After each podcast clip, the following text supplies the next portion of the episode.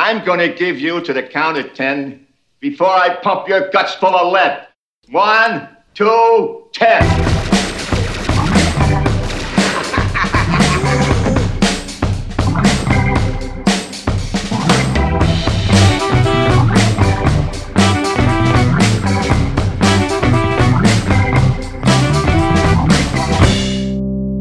Keep the change, you filthy animal. Witamy w odcinku specjalnym, kochani. W odcinku, który nagrywany jest no już prawie chyba po północy w Polsce, więc można powiedzieć, że już w pierwszy dzień świąt roku 2019. A to Anno Domini, że po Chrystusie te 2019, bo to wiesz, w przyszłości może będzie po Bartłomieju jeszcze, albo na przykład... Tak. Powiem ci szczerze, że chyba jeszcze nigdy nie usłyszałem kogoś, kto by zastanawiał się, czy kiedykolwiek zaczniemy mierzyć czas od czegoś innego, że będzie taki moment, że odetchniemy wszystko jakby jedną datą, czy może czasu już nie będziemy mierzyli w ten sposób. Wiesz, niektórzy mówią, że czas i miejsce są względnymi. No widzisz, i może ten ostatni odcinek naszego podcastu będzie pierwszym z tych yy, wielu, wielu przełomowych, w których poruszamy takie ciekawe, dziwne tematy. A może skupmy się na tym, na czym się kompletnie nie znamy, ale za to nie znamy się bardzo dobrze i dość długo, czyli filmy i seriale. Aha. Wiesz co, ostatnio ktoś zapytał, jak to z tym internetem jest? Ja nie powiem, że to była młoda osoba, żeby tam zarobić. Co tam trzeba zrobić? Ja mówię raz, że nie wydaje mi się, że jestem osobą, do której powinno się zwrócić z takim pytaniem, bo jestem w ogóle niedoświadczony w tej materii. Ale mówię, no nie wiem, są te różne podcasty, gdzie można prosić swoich słuchaczy o, o jakieś tam dofinansowania, więc mm, kto wie, może, może coś w ten deseń, ale no dobra, no ale co ja mam mówić? No, no nie wiem, no właśnie właśnie o to chodzi, że widzisz, ja nagrywam dwa lata, ja dalej ja, pytanie było to ja mogę opowiadać, tak? I co, co, o sobie mogę mówić? Tak? Mogę o sobie? Ja mówię, no nie wiem, no z mojego doświadczenia ja wiem, że ja nie jestem ciekawy, więc ja nie mówię o sobie, tylko mówię o filmach, serialach, które prawdopodobnie są ciekawe. Ale na razie nie zdecydowałbym się na to, żeby opowiadać tak po prostu. Jakby tą samoświadomość mam swoją taką, że nie chciałbym chyba się z tym dzielić i uważać, że to jest ciekawe. To znaczy, co do tego ostatniego zdania, to z częścią pierwszą nawet może nie tyle bym się zgodził, ale rozumiem. ale jeżeli ktoś, to już nieważne co ty sądzisz, to twoje mniemanie, jakie by tam nie było, to jednak będzie trochę subiektywne, a moje subiektywne jest takie, że jak się zjeździ przynajmniej jeden festiwal czy dwa z tobą, albo przynajmniej zamknie się w sali prób, no to nawet jak nic się nie dzieje, to sporo. Jednak. No tak, ale wiesz, to są takie albo najczęściej, jeżeli w ogóle są jakieś ciekawe historie czy żartobliwe, to tu i teraz, czyli zadziałają pewne, prawdopodobnie rzadko post factum, a dwa to no, są dość improwizowane i, i takie wewnętrzne, inside joke tak zwane. Tak, tak. Ty, a co byś powiedział na to, żeby za jakiś czas, za 10 lat powstał podcast prowadzony przez jednego z twoich byłych współpracowników, który by nagrywał odcinki ze wszystkimi współpracownikami, z którymi pracowałeś w tych wszystkich krajach. I mieliby opowiadać o relacjach ze mną, tak? Mhm o tym, jakie to piętno odcisnąłeś, jaką zmianą byłeś w ich życiu, nawet w ten krótki okres. No tak, to, to myślę, że, że mogłoby być ciekawie, tym bardziej, że, że czasami wydaje mi się, że mówię coś, co jest ogólnie znane, a tu się okazuje, że 50-letni panowie, którzy zwiedzili pół świata, nie wiedzą. No, ostatnio jednemu z kolegów powiedziałem, że nie zmienia się zasad gry w trakcie tej gry. On, ale to odkrywcze jest. Ty chyba z jakiejś małej wyspy na Karaibach jesteś, mówię. On mówi, no przecież jestem. Ja mówię, no wiem, Pfizer, wiem. To kolega z, z Curaçao akurat. No i kurtyna. Odcinek dzisiejszy trochę leci nieformalnie, ale chyba taki będzie charakter całościowy jego, ponieważ... To znaczy przede wszystkim jakby nie ma głównego wątku zbytnio no chcemy się skupić na jakimś podsumowaniu, ale to będzie takie... No to jest taki jeden wielki housekeeping. Tak i odchodzimy w, przynajmniej w tym odcinku może jednorazowo, może nie. Może wam się...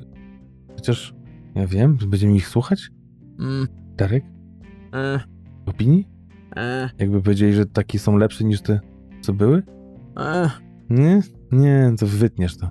Także no to jest dość odświętna w swojej takiej przeciętności formuła naszego podcastu, czyli bardzo mało encyklopedyczna, bardziej będziemy chyba się sami uzewnętrzniać na temat różnych produkcji, które ostatnio widzieliśmy. Miał być pełny odcinek, miał być film, ale Darku, co się stało? Ale pojawiła się taka myśl, im bliżej było tego potencjalnego nagrania, powiedzmy, że czy ten film, o którym chcieliśmy zrobić ten odcinek, rzeczywiście się nadaje, a to z tego względu, że przynajmniej ja w sobie zwietrzyłem takie niebezpieczeństwo, że czy to nie jest tak, że ta niesamowitość, jeśli chodzi o kontekst powstania tego filmu, bardziej jednak nie przeważa nad jego wartością artystyczną i no i niekoniecznie może każdy chciałby słuchać o tym, jaki to jest tam kontekst, który to tam ten film, wiesz, oddziela od tej całej reszty filmów powstałych w tamtym okresie. I czy nie lepiej jednak y, nie mieć wątpliwości co do całościowej jakby klasy danego dzieła? Może tak kryptycznie na początek, ale Patryku, powiedz y, naszym słuchaczom, o jakim filmie myśleliśmy i dlaczego w ogóle ta cała gadka o kontekście. No właśnie, miałem podobne przemyślenia a propos filmu Rosjanie nadchodzą z 1966 roku.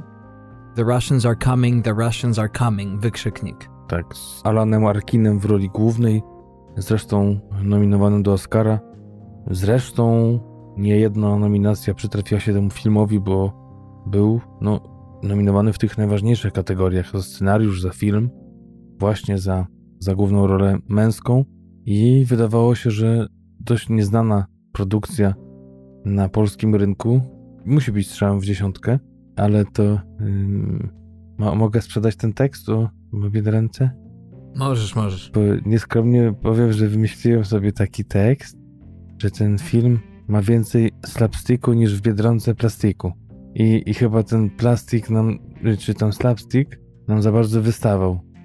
W sensie mi na przykład, o, wiesz na co wpadłem, Darku? Że to byłoby świetne kino nieme, O, nie? tak, tak, tak. Wtedy bardziej by się mógł bronić. Może niektórzy z naszych słuchaczy znają taką postać słynną Francuza Jacques Tati. To był słynny aktor, reżyser i wiele filmów e, stworzył, które bazowały właśnie na, na ruchu, na slapsticku, na, na, na postaci klauna i stworzył właśnie taką postać jak Pana Hulo. I jest taki film, można na YouTubie nawet e, fragmenty jego obejrzeć, Wakacje Pana Hulo. I to jest film, który w podkładzie ma jakąś muzyczkę właśnie typowo wakacyjną, można powiedzieć, i generalnie my jako widzowie podążamy za główną postacią i wielkim problemem tego filmu, o którym mówimy, czyli Rosjanie nadchodzą, było to, że może slapsticku dla mnie nie było za dużo, ale na pewno reszta, jeśli chodzi o fabułę tego filmu, po prostu jej nie było. Film zaczął się od sygnału, że Rosjanie nadchodzą, no i oczywiście potem widzimy perypetie przygotowywania się na nadejście Rosjan, małego miasteczka u wybrzeży północno-wschodnich Stanów Zjednoczonych i tak naprawdę okazało się, że ten slapstick nie niesie tego całego filmu. Ten kontekst to oczywiście zimna wojna, czyli dość płodny okres, jeśli chodzi o filmografię amerykańską, bo te filmy o złych Rosjanach, czy takie, które miały w swoim poczcie jakąś postać właśnie ze Związku Radzieckiego, to powstawały do połowy lat 80. W Rokim przecież był słynny pojedynek. Tak, tak. Iwana. Tak, ale zakończony oczywiście pięknymi słowami, jak to jeżeli ja się mogę zmienić i ty się możesz zmienić, to wszyscy się możemy zmienić. No w każdym razie, bo przed nami wiele tytułów, no tak się złożyło, że ten film odpuściliśmy. To też nie jest tak, że nie mamy innych, ale jak wiecie, chcemy żonglować tymi gatunkami i nie dawać wam obok siebie albo bardzo blisko podobnych klimatów, więc dlatego ta reszta tych filmów, perełeczek, które mamy gdzieś tam w zakładkach zapisanych, to przechodzi na następny sezon po prostu. Jak to się mówi w, tych równaniach, że przenosimy na nawias? Nie chcę się chwalić ocenami z matematyki, kiedy po raz ostatni musiałem pomyśleć o, o jakimś bardziej skomplikowanym działaniu. Słucham panie techniku elektroniku? A nie, no to mówię. 2000, nie będę już zdradzał, kiedy była matura, ale na swoje usprawiedliwienie powiem tylko tyle, że w piątej klasie, jak przygotowywaliśmy się w ostatnim semestrze do matury, to obwieściłem pani od matematyki, że ja nie zdaję egzaminu z matematyki, więc ja się bardzo chętnie zadowolę tą oceną, która mi wychodziła po pierwszym semestrze.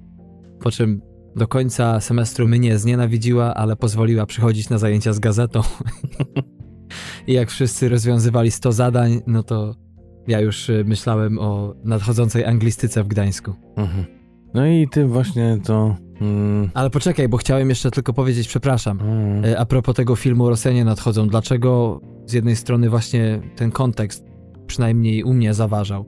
Ano dlatego, że w tamtym okresie bardzo wiele propagandy powstało filmowej właśnie a propos zła, komunizmu i tak dalej. A ten film był taką odtrutką na te wszystkie propozycje i bardzo blisko tego i kryzysu kubańskiego i tak dalej. Rok 66, no bardzo łatwo potraktowany, bardzo gładko potraktowany temat inwazji rosyjskiej. No rola, która zrobiła tak naprawdę z Arkina, no jeszcze może nie gwiazdę, ale to była taka trampolina, bo też świetnie zagrał w tym filmie postać Rosjanina, zresztą no nie do podrobienia, chociaż wyglądał bardziej jak Gruzin z mhm. Rudego 102. Nie grzebałem w jego geografii, ale no takie rysy ma. Bliżej chyba Europy. No on pochodzi z y, rodziny rosyjskich Żydów. No właśnie. Także koniec z tym filmem. Nie będziemy o nim mówić, chociaż już o nim powiedzieliśmy tyle, że... Polecamy, obejrzyjcie, załączymy Tak. trailer. No właśnie. Wcisnęliśmy jeden dodatkowy. Tak. No i tyle. A Darek, y, coś ostatnio odpoczywałeś? Coś możesz powiedzieć? Tak, w końcu dopadło i mnie y, przesilenie zimowe.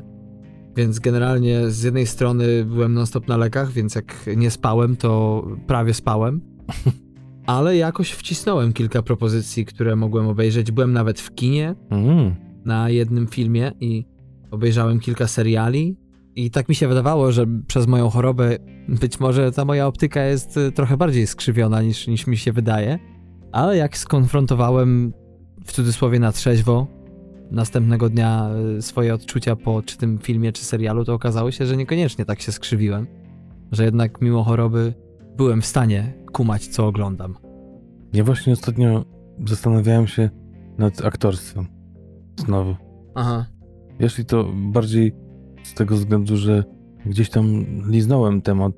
Zresztą nie wiem, jak to zabrzmi, ale razem go lizaliśmy, czy raczej w tym samym momencie. Temat aktorstwa w teatrze. Ale tak pomyślałem sobie, jaką sztuką musi jednak być to samo odtworzyć przy kamerach, przy tej całej ekipie, która stoi w koło. Jedni mówią, że łatwiej jest w filmie, tak?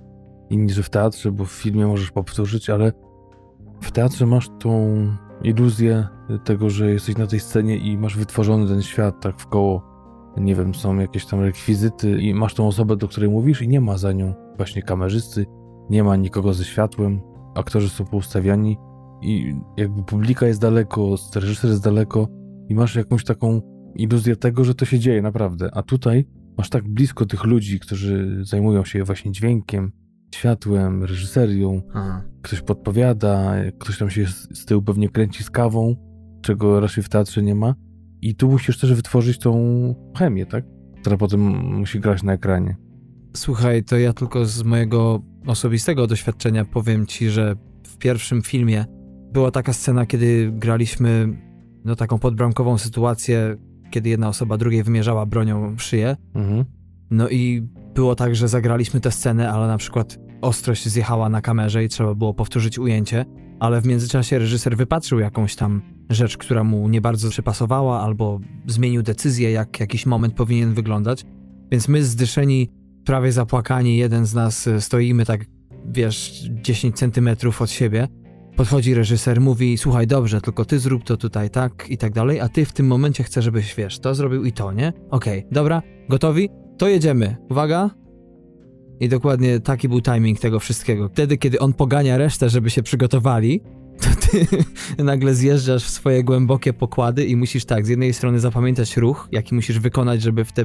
Bo może to nasi słuchacze nie wiedzą. Jak się przemieszczasz, to musisz dane punkty jakby naznaczyć, bo tam jest ustawiona ostrość na kamerze. Jak odejdziesz, no to oni ustawią tak, jak było zaplanowane, bo to przed ujęciem się zawsze przechodzi przez plan, żeby to wszystko ustawili, kreseczki porysowali na pokrętle. Mhm. No to raz, że o technicznych rzeczach myślisz non-stop, a dwa, teraz emocje, czyli musisz, wiesz, pomyśleć o kimś, kto, nie wiem, odszedł kiedyś, tak, jakieś, czy dziewczyna od ciebie, coś tam.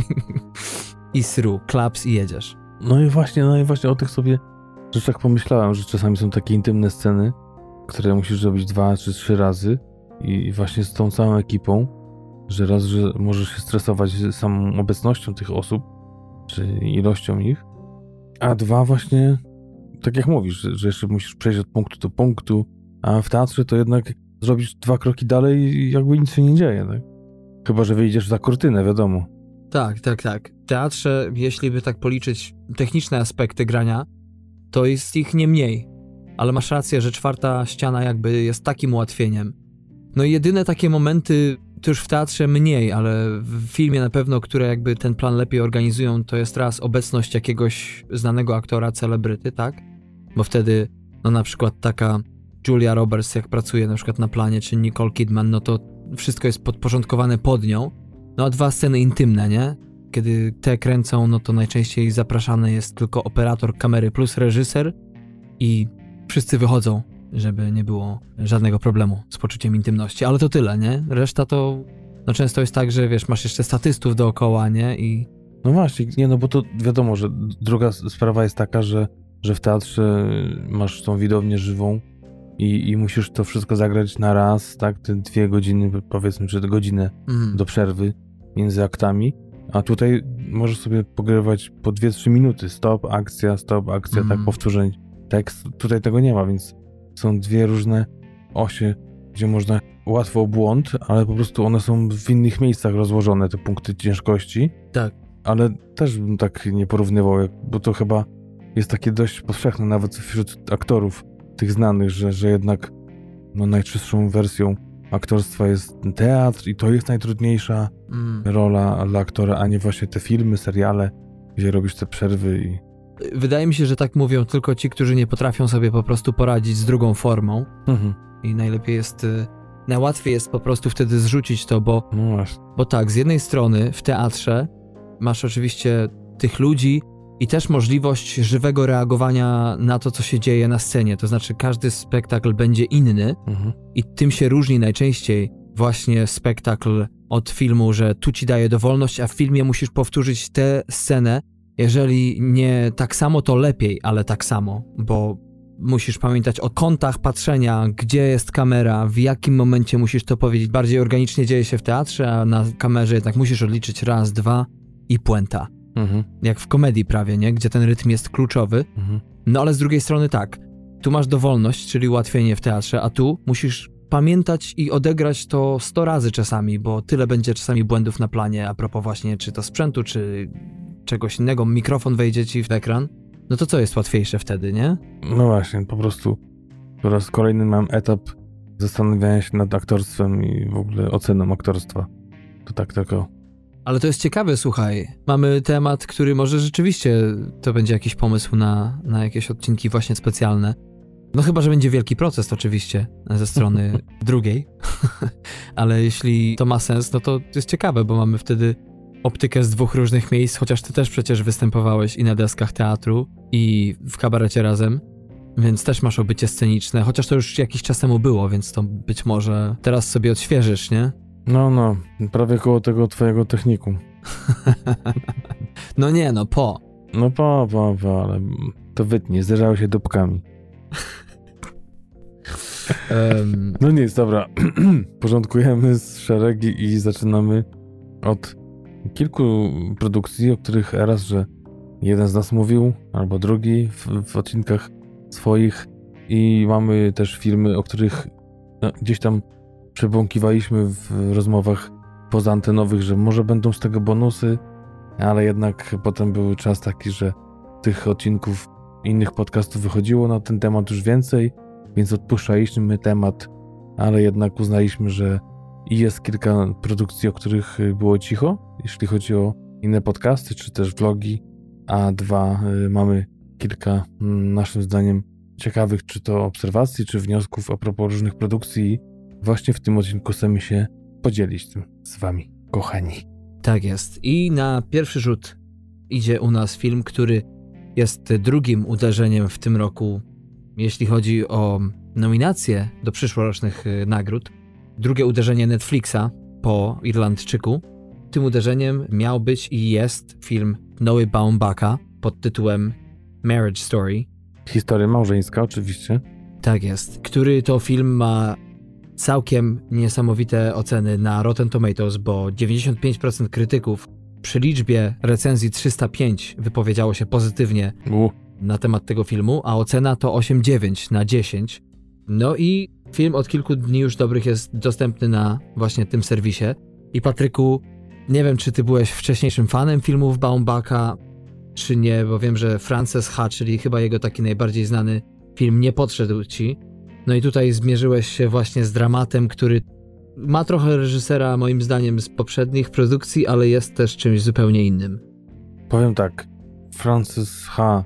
nie skreśliłem, nie obejrzałem do końca, tylko rozgrzebałem, że tak powiem, więc ciężko mi mówić, że to nie jest mój klimat. Zresztą nawet mówiliśmy o tym, że może to będzie obiektem naszego pewnego odcinka, zobaczymy. Sam reżyser to na pewno opowieść o rodzinie Meyerowitz. To było coś, co nas obu mocno wzruszyło i też Netflixowa produkcja sprzed dwóch lat. A oprócz tego scenariusz do filmu Podwodne życie ze Steven Zissou, czy też Fantastyczny Pan Lis. Tam też scenariusz, więc generalnie klimat tego pana, to co ma w głowie, pomysły jak najbardziej mi odpowiadają i to jest mój klimat i zresztą historia małżeńska jest tego oczywiście przykładem. Jeszcze był taki film, e, za który zresztą Baumbach miał swoją nominację Oscarową jedyną do tej pory, czyli Walka żywiołów. Też taki komediodramat, również przypadł mi bardzo do gustu. To był film, z tego co pamiętam, z chyba Jeffem Danielsem w roli głównej i Laurą Linney, także tak, to jest moja bajka. Mhm. No, ten film mi przynajmniej zrobił już z tego względu, że jest osadzony, tak jak i reżyser, tak i akcja dzisiejszego filmu w Nowym Jorku i to mocno. Dwa, że jest troszeczkę stylowo, przypominał mi miejscami Woody'ego Allena, ale może powiedzmy na takiej zasadzie, że gdyby Woody Allen zaczynał dzisiaj karierę, to być może robiłby coś podobnego do Noły Baumbaka właśnie w tym filmie. Bo i sam styl, i też często te dialogi, które wypowiadają między sobą głównie dwójka głównych bohaterów, czyli Adam Driver i Scarlett Johansson. Są bardzo ciekawe i są też właśnie, troszeczkę jest w nich takiej mądrości na zasadzie właśnie Woody Allenowskiej, chociaż mniej takiej neurotyczności w nich. To, co mi się podoba w tym filmie, to to, że pomimo ukazania kłótni, niekoniecznie każda rozmowa musi się jakąś puentą zakończyć, czy tym, że ktoś jednak wygrał tę czy tamtą potyczkę. Powiem ci, że no, ocena, tak jak powiedziałeś, wysoka na Rotten Tomatoes, ocena na IMDb 8.2 również jest mniej więcej moją oceną i takie smaczki, o których mówisz, ale też i dużo innych, bardzo mnie robiły w tym filmie. Byłem zauroczony od początku, zresztą z żoną go oglądałem, i, którą ciężko mi było namówić na ten film na początku, no bo komedia, bo dramat, bo romans, żona nie przepada za takimi gatunkami. Nikt nikogo nie morduje. Nikt nikogo nie morduje, tak. I to był problem, ale obejrzałem z żoną najpierw do połowy, żona poszła spać, było późno, ja dokończyłem. Spłakałem się na koniec jak kot. Następnego dnia, nic nie mówiąc żonie, obejrzałem z nią od tej połowy do końca. Spłakałem się jak kot. Zresztą razem z żoną, bo ktoś mi powiedział, ale co, żona pewnie nie płakała. No nie no. Także naprawdę, perełeczka Netflixowa, niesamowita. Niesamowita przede wszystkim niespodzianka, bo tak był mocno reklamowany, taki był hype na niego i trochę się bałem tego, że, że to jednak jest przereklamowane mocno, bo po tych pierwszych gdzieś tam zajawkach festiwalowych mocno poszybowały te oczekiwania, ale jednak sprostał moim zdaniem i, i naprawdę świetnie się udał. Zresztą myślę, że warto tu wspomnieć, że najprawdopodobniej, bo to nie jest jakby oficjalna rzecz i jakby statement, czyli orzeczenie twórcy głównego, czyli Baumbaka, jest to oparte na jego życiu. Mhm. Zresztą z aktorką, którą pewnie Darek znasz, Jennifer Jason Lee, Tak, tak. nominowana do Oscara za nienawistną ósemkę. Tarantino, właśnie Baumbach był z panią Jennifer 8 lat w związku małżeńskim, jeszcze wcześniej 4 lata razem i też, tak jak główna para właśnie tego filmu, ma jedno dziecko i są po rozwodzie. Mhm. On jest z Nowego Jorku, a pani Lee jest y, oczywiście z Los Angeles, także dużo rzeczy się tutaj zgadza, żeby nie powiedzieć, y, że wszystkie. do tej pory, a potem mamy oczywiście główną parę aktorów, czyli Adama Drivera i Scarlett Johansson, którzy wcielają się właśnie w tą prawdopodobnie biograficzną historię samego Noe Bambaka. Tak jest, dodajmy tylko, że film opowiada troszeczkę bardziej wgłębiając się w fabułę o tym, jak to właśnie para, on, artysta teatralny, reżyser, robiący coraz większą karierę w Nowym Jorku, ocierający się o Broadway, ona, aktorka filmowo-serialowa, ona z Los Angeles, tak jak powiedziałeś, on z Nowego Jorku, no i oczywiście dochodzi do momentu, kiedy się rozstają, no i teraz trzeba przeprowadzić cały proces rozwodowy, czyli mediacje, wynajęcie prawników i tak dalej, mają też właśnie dziecko. No i film pokazuje, tak jak zresztą ten trailer, choć nie do końca, to już powiedzieliśmy sobie przed nagraniem o tym, te historie z obu perspektyw. Jego mocą na pewno jest to, że nie ma tutaj tak naprawdę osoby bez winy i czasami tę winę jednej czy drugiej osoby aż nadto widać, ale też nierówno jest opowiedziany ten film, tak jak przytoczyłeś, nie pamiętam już kogo, kto się tak wyraził o tym filmie. Pamiętasz, jest taka scena, kiedy wychodzi, można powiedzieć, para z naszego głównego męskiego bohatera, kiedy tam emocje biorą górę. I czekałem w tej scenie na to, żeby jednak kobieta, partnerka mogła odpowiedzieć mu na to, i nie mogłem się doczekać. I potem pomyślałem sobie, że a może rzeczywiście będzie jakaś scena, która będzie przeciwważyła temu. No i nie doczekałem się jakby w tym filmie zadośćuczynienia i tu bym się zgodził, że jednak jest jakiś główny bohater w tym filmie i to chyba jest bardziej postać grana przez Adama Drivera, jednak. No tak, chociaż myślę, że można się tutaj spierać i pewnie jak ktoś powie, że jest w drugą stronę, to też nie będzie takich jednoznacznych, przytłaczających argumentów, żeby jednak to y, przechylić jednoznacznie na, na jedną ze stron. Ale tak, też mi się tak wydawało, chociaż e, właśnie są te sceny, które mogą mówić inaczej, które mogą świadczyć o tym, że reżyser widzi te racje też tej drugiej strony, kobiety. I też czasami właśnie to jest tak dobrze wyważone, nawet świetnie, tylko właśnie jakby tak mocno się odsunąć od tego filmu i tak faktycznie linia prosta, którą nazwiemy fabułą, oznaczyć na czerwono i na zielono, to to może tego czerwonego, które by znaczyło rację faceta, jest może trochę więcej niż tego zielonego, ale to naprawdę trzeba by się przyjrzeć z bliska tym poziomu. No tak. Dla niektórych ten film był depresyjny, bo spotkałem się z takim odbiorem filmu.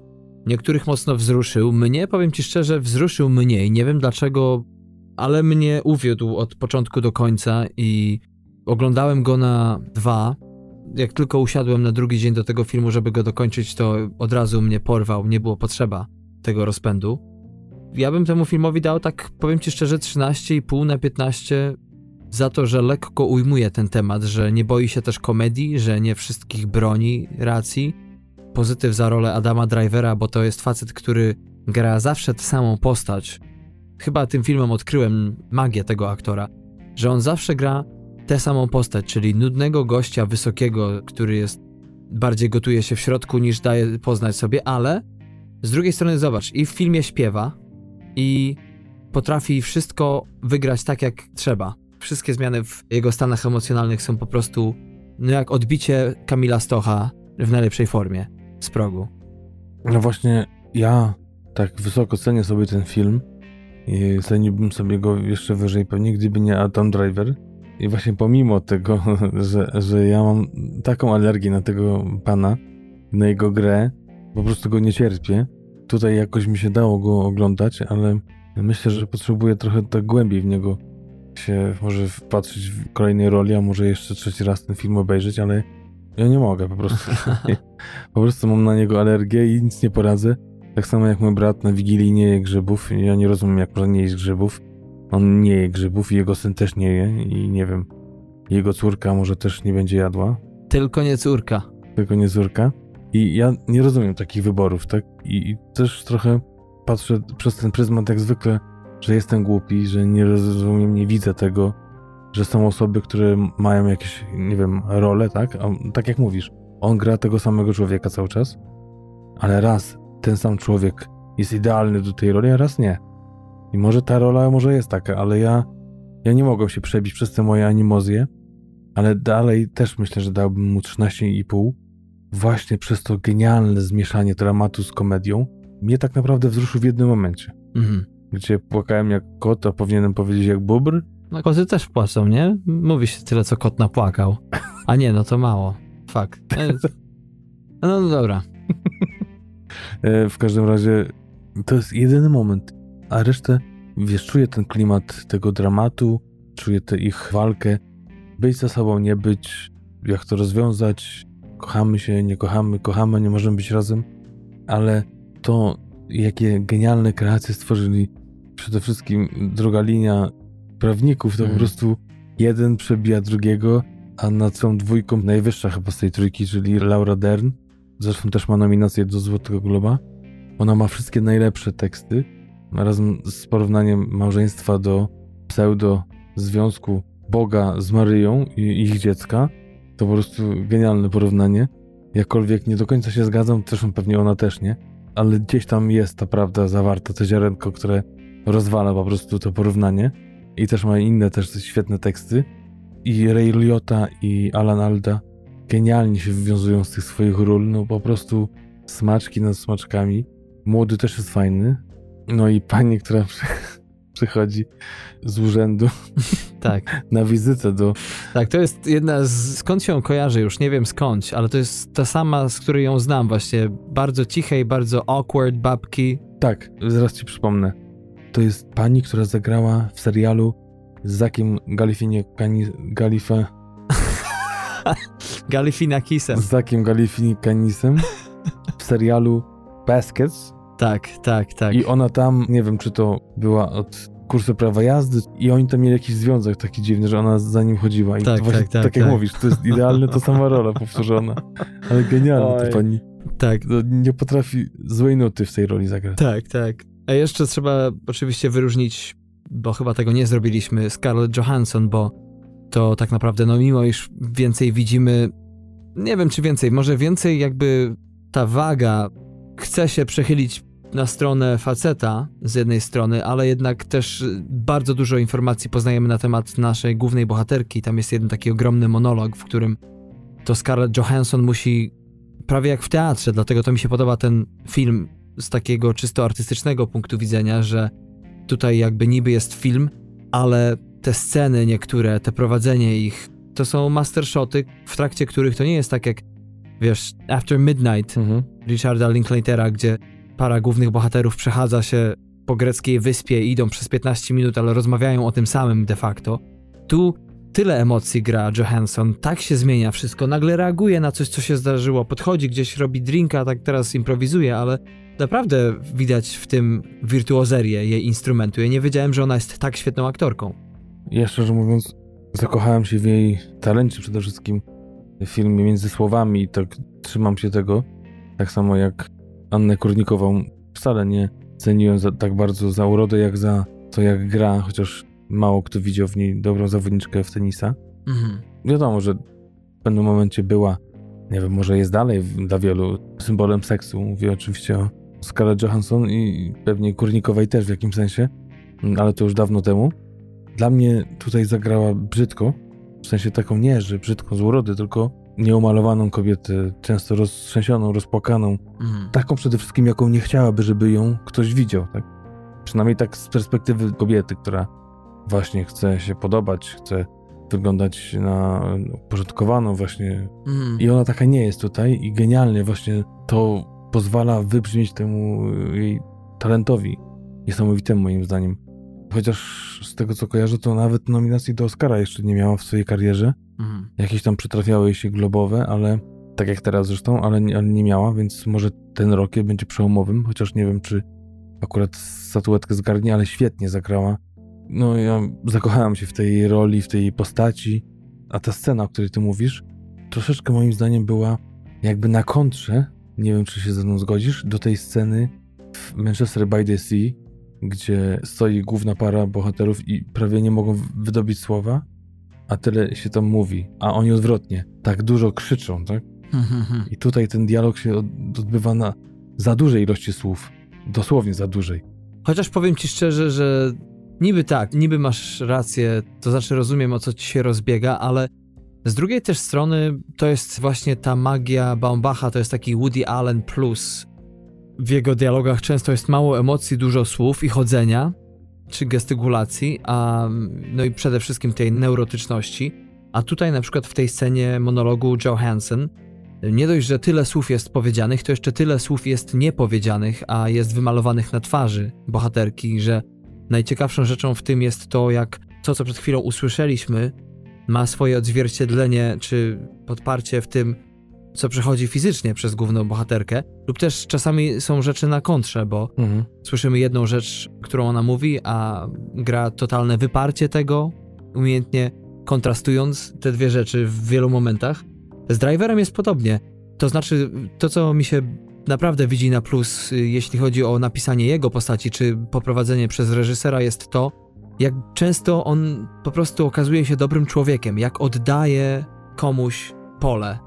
Dochodzi do momentów, kiedy nie do końca potrafi sobie wywalczyć swoją rację i też nikt nie musi się przepraszać po tym. Mhm. Baumbach potrafi fajnie uciąć elementy spiny w tym filmie.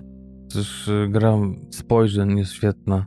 Mhm. Jedyne, co właśnie naprawdę mi przeszkadzało, to właśnie oprócz drivera samego, ale to chyba z drugiej strony wydaje się, że, że na tym to polega, że ta zmiana tej optyki, wydaje się, że sobie para poradzi sama z tym rozstaniem, a nagle wtrącają się prawnicy i mieszają zupełnie wszystko. Zresztą ostatnio w podcaście swoim Mark Maron mówił, że oglądał ten film i też sobie przypomniał swoje rozwody i mówi, że to faktycznie tak właśnie jest. Bardzo dużo mieszają ci prawnicy i zmieniają i wydawało mi się, że to może ta genialność w zresztą tego była, że mi się wydawało, że właśnie w tym momencie dochodzą do tego miejsca, że już będzie ok, a nagle się wszystko wywraca. Kolejny twist, trochę niezrozumiały, trochę jednak zrozumiały, trochę na kontrze, trochę jednak gdzieś tam pokazujący te nie do końca czysto dobre te charaktery, jednak każdy ma jakieś swoje wady i te wady też są tak właśnie przez to wygrywane. I to mnie gryzło, to trochę dla mnie było pod włos, ale to właśnie było może tą ciekawostką tego wszystkiego. No z drugiej strony też teraz sobie przypominam, że wielką wartością dodaną tego filmu też jest to, w jaki sposób pokazuje, jak bohaterowie sobie nie radzą z tą sytuacją, bo jest wiele scen, kiedy aż prosiło się krzyknąć coś w stronę jego czy jej, kiedy widzimy albo brak zdecydowania, albo po prostu no to zaparcie się w swoim i niechęć wyciągnięcia ręki. No i też w momencie właśnie, kiedy wiesz, czujesz, że prawnik wciska ci kit, tak, że jedzie nie fair, mhm. też bywa tak, że bohater niby już ma ochotę powiedzieć basta, tak, nie robimy tego w ten sposób i, i też bywają momenty, które kompletnie mnie jako widza rozczarowują, co jest świetną rzeczą, bo nic się tak naprawdę nie kończy w tym filmie tak jak chcę, czy tak jak e, zaraz myślę, że się skończy. Jeżeli już to są to jakieś malutkie, poboczne elementy. No i też świetnie przenosi klimat obu miast, bo w Los Angeles bywałem wielokrotnie i w ogóle w Kalifornii, która wygląda bardzo podobnie. I rzeczywiście ta brzydkość tego Los Angeles, bo on nie pokazuje tylko te piękne domy, te piękne zajazdy i blokowiska. On pokazuje te alejki, gdzie mnóstwo kabli zwisa ze słupów, sporo tego asfaltu jest, wszędzie trzeba jechać, zaparkować, to jest trudne. A w Nowym Jorku to tempo życia i też ta taka sztuczność troszeczkę kiedy wiesz, przychodzisz do teatru i oh my god, oh my god, są to takie elementy, kiedy widać, że przyszedł lider i teraz wszystkie koty krążą wokół niego na swój sposób, nie? A z drugiej strony są też fajne momenty, właśnie na przykład jak Adam Driver śpiewa piosenkę. Mhm. Też jest fajnie rozwiązane. Baumbach jest inteligentnym jednak twórcą. Tak, a oprócz tego, mówisz, ukazane te miasta też wydaje się, że kolory są różne przedstawione. Tutaj Nowy Jork taki ciemniejszy, tutaj jaśniejszy. Zresztą przewijający się przez cały e, film, rozbijający tekst, że, że przecież jest tyle przestrzeni w tym Los Angeles. Tak. Jeden z najlepszych catchphrase'ów z całego filmu chyba, który powtarzany jest w nieskończoność. I właśnie to trochę inne podejście do życia, tak jak mówisz, razem z tym innym też prowadzeniem kamery, może trochę właśnie tymi kolorami i z ciuchami, tak? W jakich ludzie chodzą. Mm. Tutaj mamy tą bohemę teatralną. W Nowym Jorku tutaj mamy tych prawników bogatych, wielkie sale konferencyjne czy sądowe. Także to też jest na kontrze fajne. No i ludzie też bardzo kalifornijscy. Raz, że matka głównej bohaterki, która przypomina mi troszeczkę tą taką niedopisaną The Missing Character z serialu Wielkie Kłamstewka. bo idealnie by się wpasowała w szóstkę z Monterey. A z drugiej strony zapomnieliśmy powiedzieć o malutkiej kreacji, kolejnej w tym filmie, oprócz pani z Towarzystwa Opieki. Otóż e, siostra głównej bohaterki na początku jest taka scena, kiedy mąż ma przyjechać do Los Angeles i trzeba mu wręczyć papiery rozwodowe i, i, ten cały slapstick, który się dzieje od momentu, kiedy wybór pada właśnie na siostrę i to, co nie będę zdradzał tej sceny, ale to, co ona wywija w tym momencie. Tak, a powiem ci, że szczerze mówiąc, to w ogóle tej pani nie znałem do momentu, kiedy, nie wiem, trzy dni później załączyłem serial Unbelievable na Netflixie też. Tam gra taką stonowaną panią detektyw policji, zupełnie przeciwieństwo tego, co tutaj właśnie w tym filmie i, i właśnie też jakby tutaj skonfrontowałem to, że świetnie się odnajduje i w obu jakby klimatach. Nie ma za dużej roli w tym filmie, ale, ale jednak to, co ma do zagrania, to gra świetnie. Tak, to może tyle, jeśli chodzi o pierwszą z trzech propozycji, które mamy dzisiaj dla Was. Marriage Story, historia małżeńska Noły Baumbacha, prywatnie męża innej wschodzącej gwiazdy, jeśli chodzi o postacie reżyserskie w Stanach Zjednoczonych, czyli mowa tutaj oczywiście o Grecie Gerwig, reżyserce słynnego Lady Bird, czy też teraz wchodzące Małe Kobiety, Little Women, w tym tygodniu do kin, no i aktorka z filmu Frances Ha, swojego męża. Także tyle. Film świetnie oceniany, dostępny i w Polsce. No i drugi film, który obejrzeliśmy niedawno z Patrykiem także na Netflixie. Tutaj uderzę się w pierś, o którym zapomniałem kompletnie zrobić newsa z premierą. Jakoś gdzieś mi się przewinął. Mówię, a dwa papieże? No pewnie jakieś, wiesz, włoski dokument. No ale okazało się, że oczywiście to był ten film, o którym się już tam przebąkiwało ze względu na kreacje aktorskie. Ten duet, czyli Jonathan Price i Anthony Hopkins, mowa oczywiście o dwóch papieżach. Można ten duet porównać do The Irishman, do Irlandczyka i Roberta De Niro i Ala Pacino, bo mamy chyba takie dwa właśnie główne duety męskie w tym roku, którzy spędzają ze sobą ponad połowę filmu, jeżeli nie więcej, rozmawiając o tym samym. No tak, tutaj mamy tak naprawdę jakieś 90% filmu wypełnionego właśnie tylko dialogami tych dwóch osób, dwóch papieży. Zresztą taka ciekawostka, za dużo nie, nie chciałem, wiesz, robić researchów a propos tych filmów, o których dzisiaj będziemy mówić, bo... No bo odcinek świąteczno-noworoczny, no, no. No właśnie, bez takich encyklopedycznych może tekstów, chociaż nie powiem, że to lubię, ale tu tych produkcji było za dużo, żeby zgłębić każdą w ten sam sposób, ale to co trochę tak na kontrze do tego, co powiedział właśnie Price a propos tego, jakimi przyjaciółmi są z Hopkinsem, to mówi, że tak naprawdę to na początku to miał być film pod tytułem The Pope, czyli papież. Mm. Ale mówi, ale potem wkręcił się w to agent Tonego i wyszło, że Two Popes.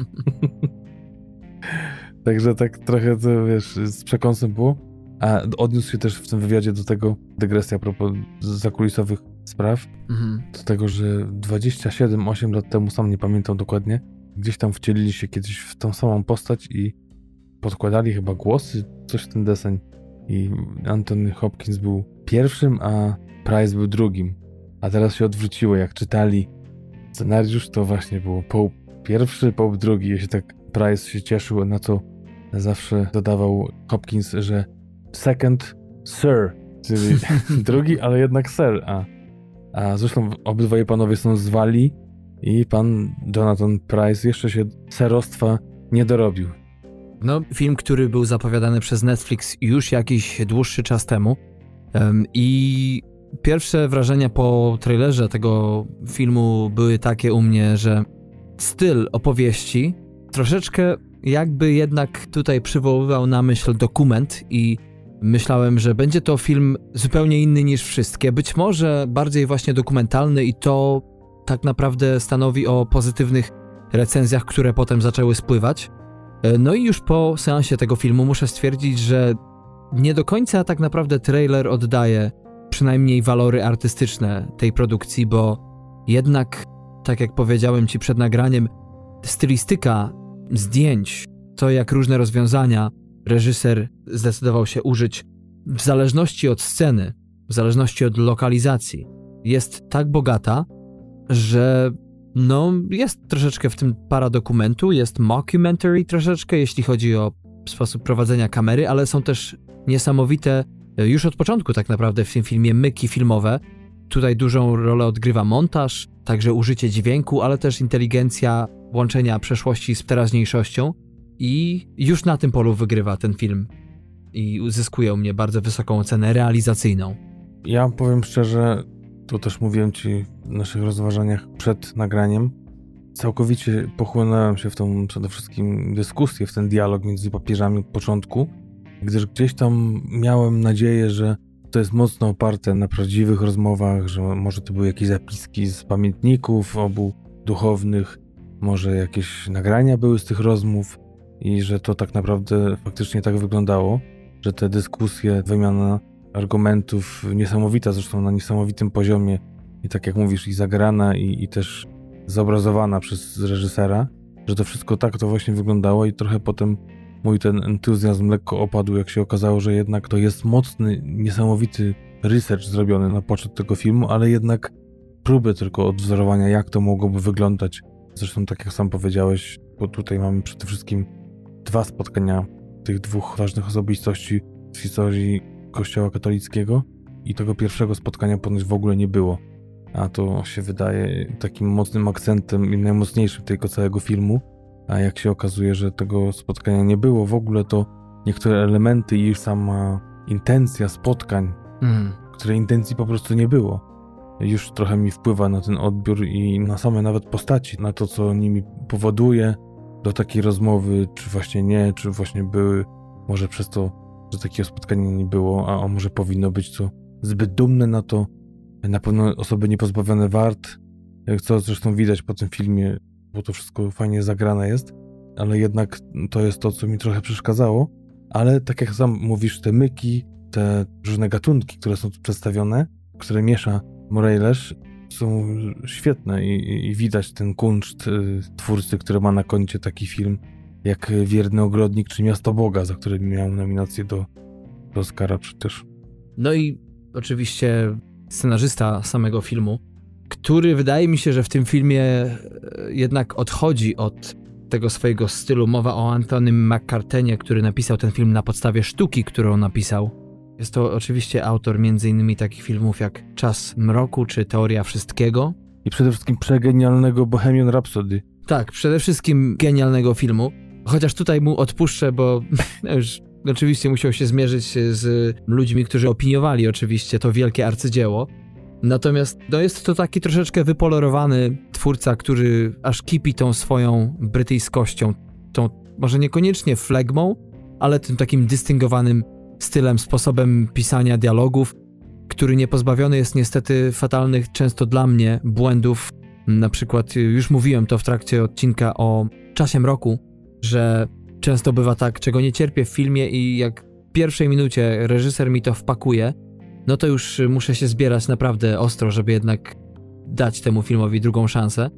Mowa oczywiście o tym, jak to w filmie o Churchillu nagle widzimy osoby, które gdzieś tam rozchodzą się po parlamencie i jedna mówi jakąś część ekspozycji o Churchillu. No wiesz, oni tam ostatnio o nim mówili. Potem widzimy drugą parę, która przecina tor pierwszej i oni jakby przejmują ten dialog. No i to już jest tak zgrany, tak stary myk w kinie. Mhm. I to jest taka ciągota McCartena w tych wszystkich filmach do takich właśnie troszeczkę intelektualnych puent, zagrań, które trzeba brać z przymrużeniem oka, przynajmniej ja muszę.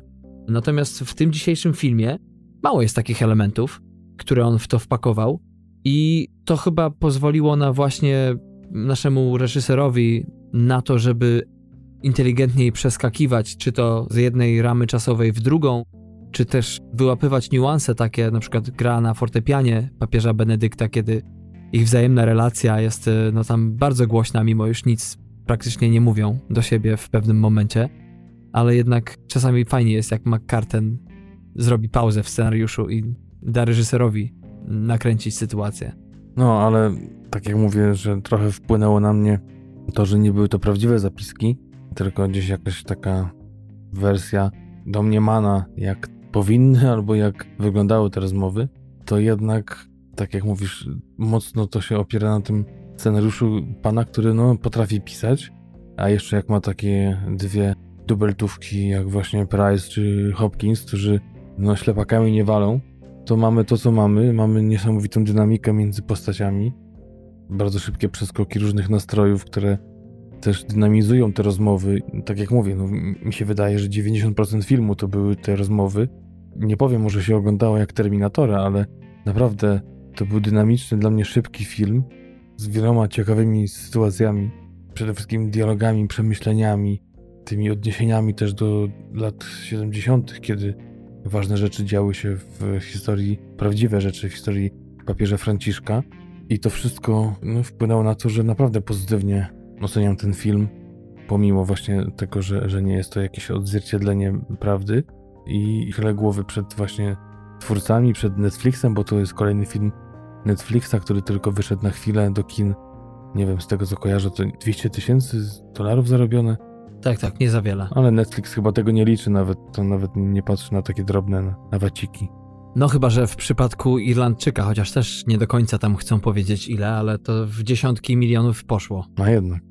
Tak mi się wydaje, przynajmniej naczytałem się trochę tych różnych branżowych rzeczy, więc niektórzy tam właśnie szacują, ale jedną taką rzeczą a propos tego właśnie, co powiedziałeś, że jednak wyszło na jaw to, że ten film nie do końca jest oparty na faktach, rzeczywiście to takie mieszanie faktów nie do końca wyszło twórcom, jeśli chodzi, wydaje mi się, o rozłożenie tutaj środka ciężkości między tymi dwoma bohaterami, bo jednak, no zresztą to był wielki skandal, to znaczy wielki, jeśli chodzi o sympatyków papieża Benedykta, bo okazało się, że tutaj w filmie niektóre fakty zostały tak zmienione, że dosłownie o 180 stopni i to przez to moim zdaniem jednak papież Benedykt, znając już fakty wszystkie a propos tego, co się nie zgadza, no jednak nie jest do końca tutaj wiernie przedstawiony i to się wydaje zagrywką czysto dramaturgiczną, żeby bardziej skontrastować te postaci. I chyba wydaje mi się, że tutaj można było lepiej pomyśleć, bo widzę naprawdę sporo różnic między nimi, że można było jednak i dodać troszeczkę więcej pieprzu Franciszkowi. Można jednak było troszeczkę scyzelować niektóre momenty, jeśli chodzi o Benedykta. No tak, to bardziej, że, że faktycznie to jest opowieść tak naprawdę o Franciszku z elementami Benedykta. Mhm. Więc to może i powinien być tytuł The Pope, a nie Two Popes. Raz, że tylko na samym końcu widzimy ich jako dwóch papieży, jeden jako emerytowany już, a drugi jako urzędujący, a przez większość część filmu jednak jeden jest tylko papieżem i bardzo mało dowiadujemy się i z jego życia przed byciem papieżem i z tego tak naprawdę jak działał ze swojego pontyfikatu, a więcej właśnie z życia i drogi do tego miejsca, w którym jest właśnie samego Franciszka, czyli kardynała Bergoglio. Więc no jest takie, nie wiem jak z tym wyważeniem, kto ma rację, kto nie, co bardziej z tym, że naciski trochę są inaczej rozłożone w historii dwóch postaci, które są zupełnie inne, a niektóre właśnie trochę pobieżnie, tylko tak muśnięte i nie oddają tej na pewno bardziej złożonej postaci, na przykład samego Benedykta. Trochę się wydaje, no oprócz tego, że mówi dość ciekawie, to ta historia jego nieopowiedziana, wydaje się, że tak jakby była nieciekawa, dlatego nie była poruszona. Takie miałem myśli w trakcie oglądania. No tak, a poza tym jednak, wiesz, ten jego pontyfikat był bardzo skomplikowanym, bo natrafił na moment, kiedy wiele rzeczy zaczęło się po prostu palić dookoła i trzeba było gasić pożary i dlatego jest tutaj potrzeba zmiany na stanowisku biskupa Rzymu, ale rzeczywiście tak jakby prześledzić niuanse, zwłaszcza faktograficzne, które wtedy działo się za jego właśnie tych kilka lat pontyfikatu, kiedy tak naprawdę w tym filmie jest to podane w bardziej pigułkowy sposób, bardziej gdzieś na drugim planie. Plus jego przecież przynależność do Hitlerjugend, którą mu często w różnych miejscach jednak wypominano, chociaż nie do końca i to nigdy się nie przyczyniło do jego impeachmentu, w cudzysłowie. Mhm. No to jednak są to rzeczy, które w tym filmie są bardzo, zwłaszcza jego okres w nazistowskich Niemczech, jest po macoszemu potraktowany i... No tak, tylko kilka takich rzuconych przez przypadkowe osoby, że to nazista, przecież nie ma co tak. mu współczuć, czy się za niego modlić, tak, tak. Co też e, nieco pikuje w dół na chwilę ten film dla mnie, no bo już jeżeli macie zagrać coś takiego jak właśnie Anthony McCartan, że ktoś w barze mówi, to nazista był, wiemy. Mhm. Fajnie by było jednak przysiąść nad tym, a nie tylko slapstickowo rzucić, chociaż moim zdaniem Jonathan Price ograł tę sytuację ciekawie, mhm. no to tak, jest jednak e, film, można powiedzieć, do poprawy, chociaż to, co jest, jest całkiem niezłe. No tak, ja myślę, że takie 11 na 15 naprawdę z mocnym naciskiem na to, że osoby lubiące takie zaciekłe dialogi, rozmowy na wysokim bardzo poziomie intelektualnym, dające dużo do myślenia, to może nawet ocenią ten film wyżej. Jeśli potraktujemy to może tak szerzej, właśnie opartym bardziej na tych faktach z życia obu postaci, to może to trochę lekko blednie, ale tak czy inaczej jest to pozycja warta obejrzenia i zresztą dostępna na Netflixie, więc zasiadajcie i oglądajcie. Tak jest. No ocena na Rotten Tomatoes to 7,3, prawie 7,4 u krytyków przy 88% aprobacie. Podobnie jest u widzów. Ocena wyższa 8,4 na 10. No ale właśnie więcej jest plusów dodatnich niż ujemnych. Bardzo ciekawie zrobiony film i to jest trzeci jakby argument w tym roku, że jednak Netflix się uczy. Może ta kariera tego serwisu nie jest e, równa, bo był przecież Madbound dwa lata temu. Film chyba najlepszy, jaki do tej pory moim zdaniem wyprodukował ten serwis. No można kłócić się, czy Irlandczyk to jest zupełnie inne dzieło, ale, ale jednak chyba Madbound był dla mnie prawie że filmem roku wtedy. Na kontrze mamy War Machine, oczywiście Davida Micheya, reżysera, który tak jak chociaż bardziej chyba, bo przynajmniej Clintowi Eastwoodowi, albo to też trzeba nawiązać na chwilę. Napisałem na Twitterze, że idę na film i nie odpowiedziałem, co myślałem. No właśnie. No powiem tylko w skrócie. Clint Eastwood robi totalną sinusoidę ostatnio. Raz całkiem niezły film, raz fatalny i ten film wpisuje się dla mnie w klimat 2019 roku, kiedy świetne filmy nie były filmami bez grzechu, ale tak jak na przykład Joker, ale mimo wszystko coś w nim, czy centralna postać, czy klimat zrobiło mi tak, że kompletnie odrzuciłem te minusy. Tak są filmy, które po prostu widzowie i krytyka uwielbia, a ja nie mogłem wytrzymać do końca. I Richard Jewell to niestety jest wielka porażka moim zdaniem Clint Eastwooda. Tak wtórny mhm. film przy takim talencie aktorskim. Główny bohater świetny. John Hamm też, no gra Johna Hema, ale, ale daje radę. Świetny Sam Rockwell, którego powinniśmy więcej widzieć na ekranie i mniej w rolach polityków. Mhm. On się w tym świetnie sprawdza, ale jednak bardziej wolę go w trzy billboardy za Ebbing, Missouri, w rolach, które naprawdę pokazują jego kunszt, rozciągają go. Ale to tam jest wszystko, tak? Technika, warsztat aktorski, ale samo opowiedzenie historii jest fatalne. Prawie jak w tym filmie o udaremnieniu ataku we Francji przez tych dwóch gości, którzy potem zagrali w tym filmie. Ale do meritum. Richard Jewell ocenię na 7 na 15, 8 maksymalnie na 15, a The Popes dam 12. I tylko tak trzymać. No okej. Okay. To dwa, trzy tytuły za nami, plus kilka jeszcze wspomnianych i chyba ostatnie, bo, bo tak mieliśmy w planach dużo gadać, ale chyba wyszedłby jakiś rekordowy odcinek, więc zostawmy może sobie tym bardziej, że pewnie w odcinkach o serialach i filmach podsumowujących 2019 rok, które pewnie będą zaraz po nowym roku, po przerwie, bo też Darku musimy wspomnieć o tym, że zaraz po tym odcinku nadchodzi przerwa świąteczno-noworoczna mhm. na zebranie myśli i też właśnie na, na przygotowanie się do tych odcinków podsumowujących rok, to i te propozycje, o których dzisiaj nie wspomniemy, raczej na pewno się pojawią w tych odcinkach, więc nie stracicie tego, to co sobie przygotowaliśmy tak pokrótce na dziś, a nie umieścimy tego w tym odcinku, to wszystko będzie za rok. Tak jest. Jeśli chodzi o taki film, o którym raz, że ja zrobiłem swój półodcinek nowojorski, potem wy mieliście okazję wybrać się do kin i skonfrontować się z nami, potem Patryk w końcu miał okazję, żeby pójść na niego. Tym filmem jest oczywiście Osierocony Brooklyn, Motherless Brooklyn, Edwarda Nortona. No i właśnie, ja się sporo na ten temat wypowiedziałem, ale jestem ciekawy Twoich opinii, Patryku.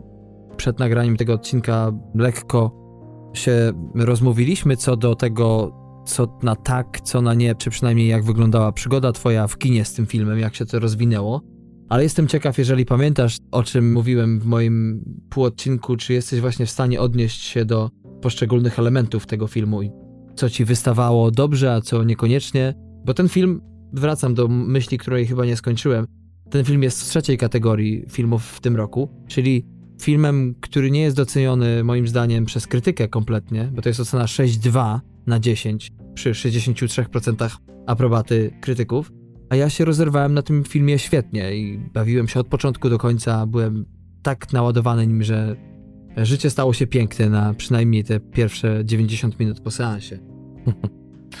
Wiesz, też warto wspomnieć o tym, że to jest dość świeża sprawa w Polsce, bo Mhm. u ciebie to może dawno temu było, a u nas w Polsce dopiero 20 grudzień.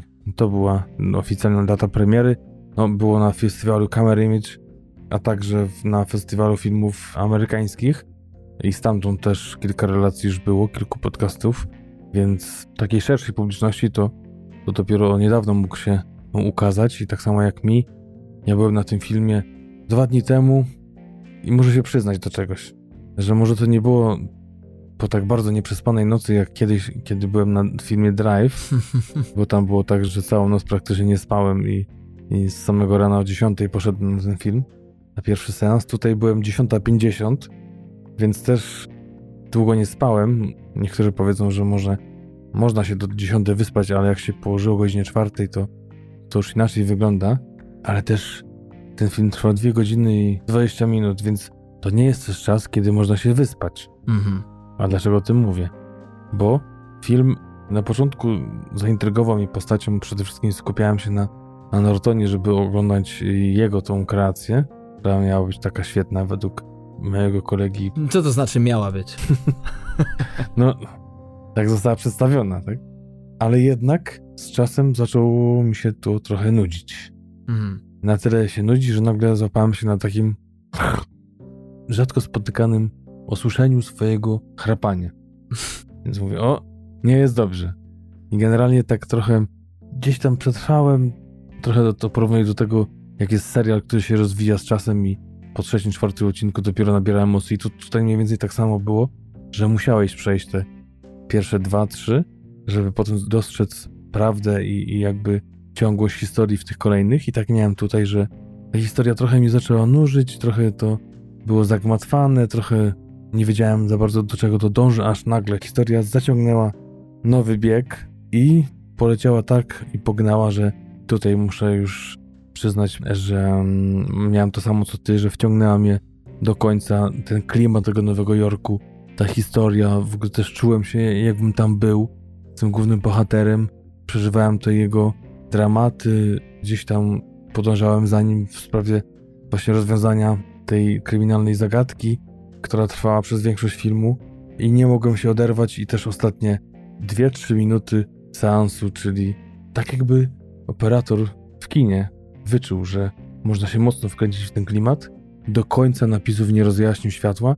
Ja tak, może nie do końca, bo potem już było głupio, bo zaczęli ludzie też wychodzić, ale Mhm. do połowy właśnie te 2-3 minuty siedziałem i myślałem, wczuwałem się dalej w tą świetną muzykę, która na końcu była, taka jazzowa lekko Mhm. i myślałem o tym filmie, o tym doświadczeniu i przede wszystkim o tym genialnym zakończeniu i genialnej puencie tego filmu. Nie wiem, czy to będzie spoiler, czy nie, ale tego, że bohater nie do końca jest zawsze stworzony do tego, żeby zwyciężyć, żeby odnieść sukces, żeby pokonać kogoś, ale żeby dojrzeć, żeby zrozumieć i trwać dalej. I może nie tyle bohaterskość jego, co właśnie prawdziwość tej postaci się ukazuje w tym, że zaczyna rozumieć, że aby było dobrze, aby było prawdziwie, to trzeba się po prostu poddać i niektórych rzeczy się nie zmieni i zwyczajnie w świecie trzeba się dostosować, żeby iść dalej, żeby przeżyć. To znaczy, wiesz, ja zacznę od tego, że o czym już powiedziałem w pół odcinku, na jego głowę wylało się sporo głosów krytyki, że obsadził sam siebie w takiej roli, w roli gościa, który w książce był młodszy, a tutaj mamy 40-kilkuletniego faceta, no 50-letniego w tym roku. I że to nie ma sensu. Dla mnie to od razu było wartością dodaną, dlatego że mamy raz underdoga, Mhm. przypadłość w formie syndromu Tureta jest zarówno jego przekleństwem, jak i też w pewien sposób, może niekoniecznie z syndromu Tureta wychodzi to, ale z drugiej strony jest ten facet mega inteligentny, więc mamy tu już troszeczkę takiego super bohatera. A co ciekawe, tylko wejdę ci na chwilę w słowo, to, że jak słyszymy z jednego z dialogów, w tamtych czasach jeszcze ta choroba nie była zdiagnozowana w ogóle. Zapytany, co ma za chorobę, powiedział, że sam nie wie, jak ona się nazywa. Tak, tak, oczywiście. I to jeszcze do niedawna nie było leków na tą chorobę, bo mój znajomy, o którym też wspominam w pół odcinku, kiedy próbowano go leczyć, no to te leki wprawiały go w depresję, lecząc syndrom Tureta, więc odstawił kompletnie te leki za cenę właśnie bycia śmiesznym i często wywołania często wywo- wywoływania lekkiego skandalu obyczajowego, chociaż jak już ludzie się przyzwyczaili, to było łatwiej. Jednak żyć w miarę normalniej. Teraz to u niego kompletnie zanikło, już nie ma tego syndromu. Jakby któregoś dnia go opuściło, jest muzykiem w Nowym Jorku i kompletnie jakby nie ma z tym problemu. No a tylko podczas grania na scenie nie miał tego syndromu, bo to chyba polegało na, jednak na skupieniu swojej uwagi. Kiedy skupiał się i miał tekst do powiedzenia, to przez trzy godziny spokojnie grał. Nie było żadnego problemu. Mhm. Ale wracając do właśnie postaci, no to fajnie jest zobaczyć w kinie prawdziwą postać, której najpierw się mocno kibicuje, bo jest underdogiem. Potem ta postać zaczyna być bardziej cwaniakiem. No widać tutaj w grze właśnie w postaci Lionela, że może nie staje się cwaniakiem, ale staje się coraz pewniejszym, staje się bardziej tym takim troszeczkę alfą nawet, w takim wycofanym trochę, który nie musi się obnosić tym. A potem nagle okazuje się, że jednak bardziej fascynującą rzeczą jest zobaczenie, jak to bohater zdarza się z sufitem własnych możliwości, czy to ograniczenia samego siebie, czy właśnie tak jak mówisz, tu w przypadku pewnych rzeczy po prostu się nie przeskoczy, to na koniec jest to domknięcie, jest bardziej prawdziwsze życiu niż często właśnie filmy o superbohaterach, które mają jednak tą formułę wbitą sztywno i rzadko, może poza Loganem, widzimy taką właśnie drogę, którą musi przebyć główny bohater przez mękę. Wrócę też do słuchanych przeze mnie ostatnio namiętnie przez to, że mam bardzo długie rajdy samochodowe przez Europę, czyli wywiady z Marka Marona. I wrócę do tego wywiadu z Edwardem Nortonem, gdzie troszeczkę mi, no raz, że mówiłem ci, że, że no, takiego bufona moim zdaniem wyszedł i takiego narcyza w podejściu do tego swojego genialnego dzieła, ale jedną rzecz tu obronię, bo Maron próbował mu wmówić, że Alec Baldwin, który wciela się takiego magnata finansowego związanego z władzą w Nowym Jorku, mającego pod sobą chyba trzy jakieś działy, urbanistykę, jakieś parki, no generalnie te najważniejsze rzeczy, tak naprawdę najważniejsze gabinety, czy jakby to nazwać w takim mieście, gałęzie trzyma pod sobą, czy w garści, gałęzie w garści, to chciał mu mówić, że on gra osobę, która jest mocno podobna do Trumpa. I bardzo się na to wzrygnął właśnie Norton, że, że wcale tak nie jest, nie uważa tak. Ja też się nie zgodzę z tym. Moim zdaniem zupełnie inna postać, nie dość, że bardziej świadomy, na pewno inteligentniejszy i zupełnie innymi, moim zdaniem, argumentami posługujący się. I ja, ja to nie widzę, oprócz tego, że to jest człowiek, który ma jakąś władzę, to nie widzę. I to rzeczywiście Alec Baldwin od kilku lat jest kojarzony tylko z Trumpem, bo świetnie go gra w SNL-u i po prostu jest uwielbiany za tą postać, to nie widzę tutaj zbyt wielu podobieństw.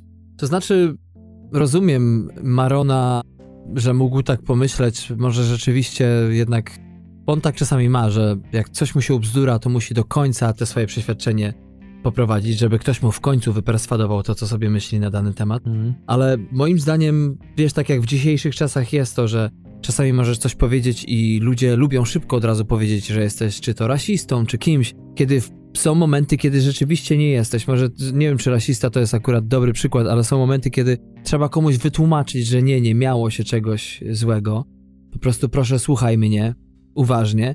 I wydaje mi się, że ludzie tak w tym przypadku zgubili możliwość patrzenia czy słuchania uważnie tej postaci, bo oczywiście mamy na backgroundzie tego SNL-owskiego Baldwina jako Donald Trump, ale jak się popatrzy troszeczkę, poogląda Trumpa, to gość z Białego Domu to jest facet, który zawsze stawia się jako gość, który wiesz, on wszystko przemyślał, on jest dobrym człowiekiem, tak? Wszystko jest great. A postać Baldwina w tym filmie to jest, można powiedzieć, rasowy, ale inteligentny, czarny charakter, który nigdy się nie rozgrzesza, który non-stop na jakąkolwiek próbę zadania mu ciosu odpowiada: Słuchaj, taka jest rzeczywistość. To albo to, albo to. Jakby zawsze ta jego energia idzie do przodu. Zawsze coś proponuje, on zawsze widzi dalej. Mhm. Czasami potrafi się zdobyć na jakąś introspekcję. Są momenty, gdzie coś tam potrafi ujrzeć światło dzienne, ale kompletnie nie ma to związku charakterologicznego z prezydentem. I tutaj jednak trzeba się nagimnastykować, żeby przestać w ten sposób na to patrzeć. No właśnie. A myślę, że też warto wspomnieć w ogóle, bo tak jak mówimy, ty o tym filmie mówiłeś, ale trochę jest to film nowy i jak już tak prowadzimy lekką dyskusję na ten temat, to warto wspomnieć, że film opowiada właśnie o Lionelu, takim underdogu, tak jak powiedziałeś, w agencji detektywistycznej, którą prowadzi Bruce Willis, czyli Frank Mina i kilku jego kolegów, innymi Bobby Cannavale, tam ma dość ważną rolę w tej agencji. I nagle właśnie pan Mina zostaje zamordowany i oddany jego przyjaciel i postać, która właśnie tego Franka Minę stawiała sobie na piedestale jako takiego przywódcę duchowego, kogoś, kto mu pomógł w ciężkich chwilach mm. i prowadził go tam chyba, nie pamiętam, poznali się jak miał 12 lat, Lionel, to chce właśnie z tej przyjaźni, z tego całego oddania ostatnią przysługę mu wyświadczyć, czyli znaleźć osobę odpowiedzialną za jego śmierć i właśnie film polega na tym, że idziemy tropem właśnie tego mm. morderstwa, śladami Lionela i jego perypetii, również miłosnych, między innymi spotyka Laura Rose i też między innymi brata głównego bohatera i właśnie na tym się zasadza główna oś tego filmu, plus świetna muzyka oczywiście i zdjęcia i to tworzy taką y, całość. Nie będę tutaj spoilował, co tak naprawdę ten osierocony Brooklyn, co to tak naprawdę jest, ale jest to wyjaśnione i trochę byłem zaskoczony tym. To nie jest film pozbawiony wad w takim sensie, że tutaj może lekko odpowiem na, że nie pytanie dosłownie, ale podeprę się tutaj pewną dyskusją, jaka wywiązała się na Twitterze między jednym z naszych słuchaczy a nami, potem między tobą. A propos tego właśnie, że czasami może my skręcamy w formę, a nie w treść danego filmu. Jakby nie było, to z mojej strony mogę dodać, że ja mam taką główną zasadę, to znaczy ona jest niepisana, ale tak przynajmniej wychodzi mi z obserwacji samego siebie i tego, jak ja reaguję na dane filmy, że film przede wszystkim musi mieć coś, co mnie przykuje. Jeżeli nie ma drugiej rzeczy, która mu by przeszkadzała w tym, to ten film może być czysto formą i da mu 15 na 15. Natomiast jeżeli jest film na przykład taki jak Le Mans 66, który z jednej strony ma te wszystkie rzeczy, które chcemy widzieć w filmie o samochodach, a z drugiej strony wtórne dialogi i sceny, które kompletnie y, mają gdzieś inteligencję widza, no oczywiście można się ze mną nie zgadzać, ale tak to widzę. Z osieroconego Brooklynu można spokojnie było zrobić jeszcze większy, lepszy film. Wydaje mi się, że są momenty, gdzie czy to pewne kwestie a propos biografii głównego bohatera, czy też y, są momenty na przykład, które są związane z żoną Franka Miny. Też jest to smakowita postać, która moim zdaniem jest bardzo mało wyeksponowana, a jest tam potencjał jednak i też troszeczkę rozwiązanie jednej z tajemnic związanej z nią nie do końca mi się podobało w tym filmie. To znaczy było ok, nie miało to wielkiego znaczenia tak naprawdę, bo film był już o innych rzeczach, więc to, co się potem dowiadujemy, to tak można powiedzieć, no przyjmuję to na klatę i przechodzę obok tego. Tam były zasoby niewykorzystane i w kilku jeszcze innych momentach, ale film całościowo jest tak sprawnie zrealizowany, że Nostalgia, która z niego płynie, zwłaszcza a propos właśnie klimatów nowojorskich, ale też neo-noiru, sprawia, że jest to dobra rozrywka. To nie jest film, który ma porwać, ale też który ma troszeczkę ukazać od wewnątrz bohaterów i jemu się to kompletnie udaje, bo raz, że solidaryzujemy się z głównym bohaterem, dwa, że też ten czarny charakter do końca nie jest taki znienawidzony, przynajmniej w moim przypadku. Też widz jest w stanie przynajmniej zrozumieć motywację głównych bohaterów, a to jest podstawa każdego dobrego filmu. Właśnie to jest to, że dlatego tak mi wypełni te niedogodności pierwszych kilkudziesięciu minut, to, że potem właśnie poznajemy tych głównych bohaterów, poznajemy też czarny charakter, jego motywację, jego historię, jego racje, z którymi można się nie zgadzać, ale jednak widać, że ma jakieś poglądy i w jakimś wirtualnym świecie można by pomyśleć, że okej, okay, rozumiem dlaczego tak, a nie inaczej postępuje tak jak Joker na przykład, tak? Dlaczego ma takie inne motywacje, chociaż tutaj nie wynikało to, broń Boże, z jakichś traum dziecięcych. I to, że mamy te inne postaci też mocno rozbudowane i to, że też mają duży wpływ na fabułę, to jednak jest kryminał i jednak taki film też szpiegowski, lekko, gdzie właśnie kilka tych punktów trzeba połączyć, nawet, albo nawet kilkanaście, żeby zagadkę rozwiązać i to też wpływa na uatrakcyjnienie fabuły, a do tego jak dodamy ten jakkolwiek wkurzający głównego bohatera i dający mu nieźle w kość syndrom Tureta, gdzie ja byłem w kinie rano, było nas chyba trzy osoby z tyłu, razem siedziały ja, niżej i po lewej stronie mojej facet jeden I on się tak zaśmiewał na tych tekstach turetowych głównego bohatera, że mnie to wybijało w ogóle. Wiesz, jakby ja czułem śmieszność sytuacji, śmieszność tego tekstu, Mhm. ale dla mnie to było taki fajne muśnięcie w tym dramacie. On dosłownie jakby oglądał Benny Hilla, tak się głośno śmiał, Mhm. że ja nie mogłem tego znieść. No, nie, nie zwróciłem mu uwagi, no bo No przeżywa film na swój sposób, tak. tak, tak, jakkolwiek to nie było rzucanie popcornem, strzelanie, bekanie, tylko naturalne jego odruchy takie związane z tym filmem, ale aż moim zdaniem przesadzał, ale to właśnie i niektóre teksty, zresztą jeden z, z nich jest moim ulubionym z tego filmu, czyli coś takiego od czapy, który w ogóle zmienia narrację sceny i w ogóle bardzo często tak się zdarza. Troszeczkę mi zabrakło, wiesz czego? Mhm. żeby ktoś nie dał mu wytłumaczyć tego, że jest chory. Jakiegoś takiego tempaka, który, nie wiem, da mu w, w gębę tak po prostu za, za to, że coś powiedział, nie da mu wytłumaczyć, ale jednak za każdym razem chyba jak tłumaczył, że ma tą przypadłość, to okej, okej, rozumiem, rozumiem. Jakby to było nowe, a dziwne, każdy od razu to rozumiał. No to trochę było takie trochę lekko zaburzające, ale w ogóle nie wpływało na to, że że jednak te teksty były czasami ogrywane świetnie przez Nortona, że ta druga osoba, która słyszała, tak naprawdę nie rozumiała tych słów, więc to też fajny element taki komediowo-tragiczny, tak? Dla tej osoby wprowadzało. Taki dwuznaczny mocno. Tak jest, no to tak jakby tak naprawdę załatwiało dwie sprawy za jednym zamachem, to znaczy z jednej strony to, o czym mówisz, a z drugiej też sprawiało, że akcja szła do przodu. Nie trzeba było non-stop się tłumaczyć, że sorry, mam syndrom, tylko on dwa czy trzy razy tłumaczy i to już jest w filmie ustabilizowane, ta prawda.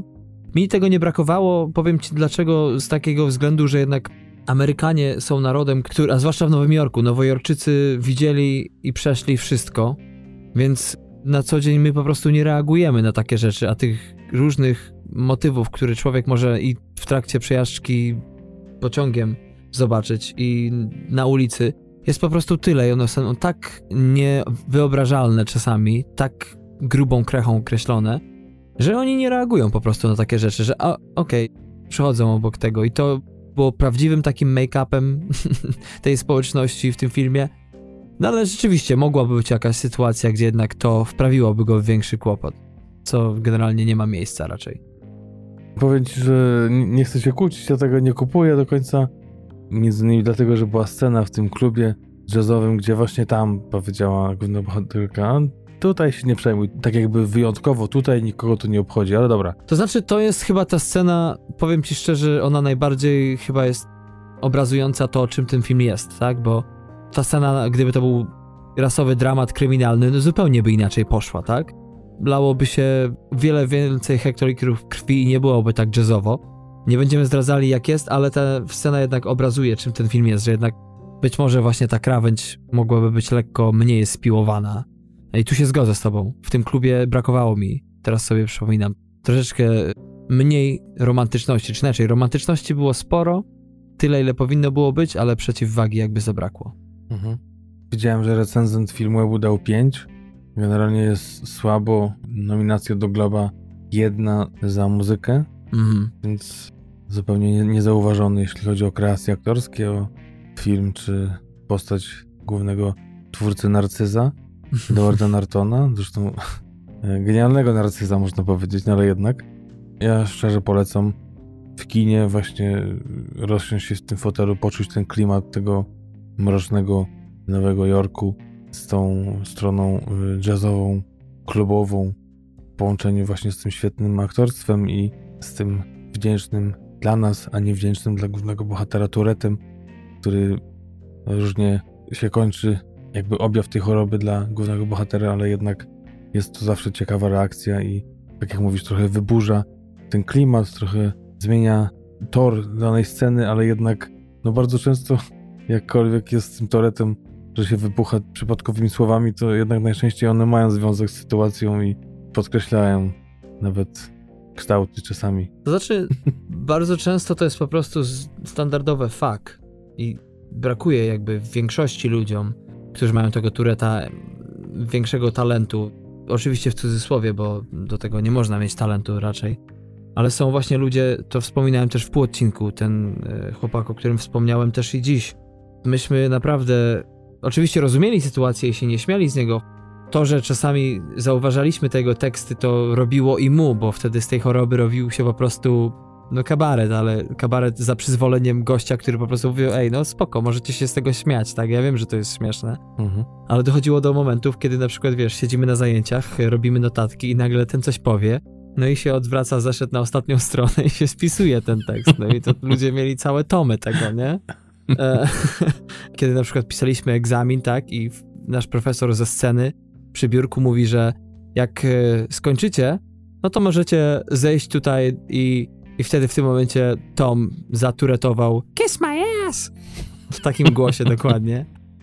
Powiedział troszeczkę bardziej dosadnie to, ale mniej więcej tak to brzmiało, na co nasz nauczyciel zareagował Ym, tak, albo po prostu połóżcie kartkę na biurku i wyjdźcie.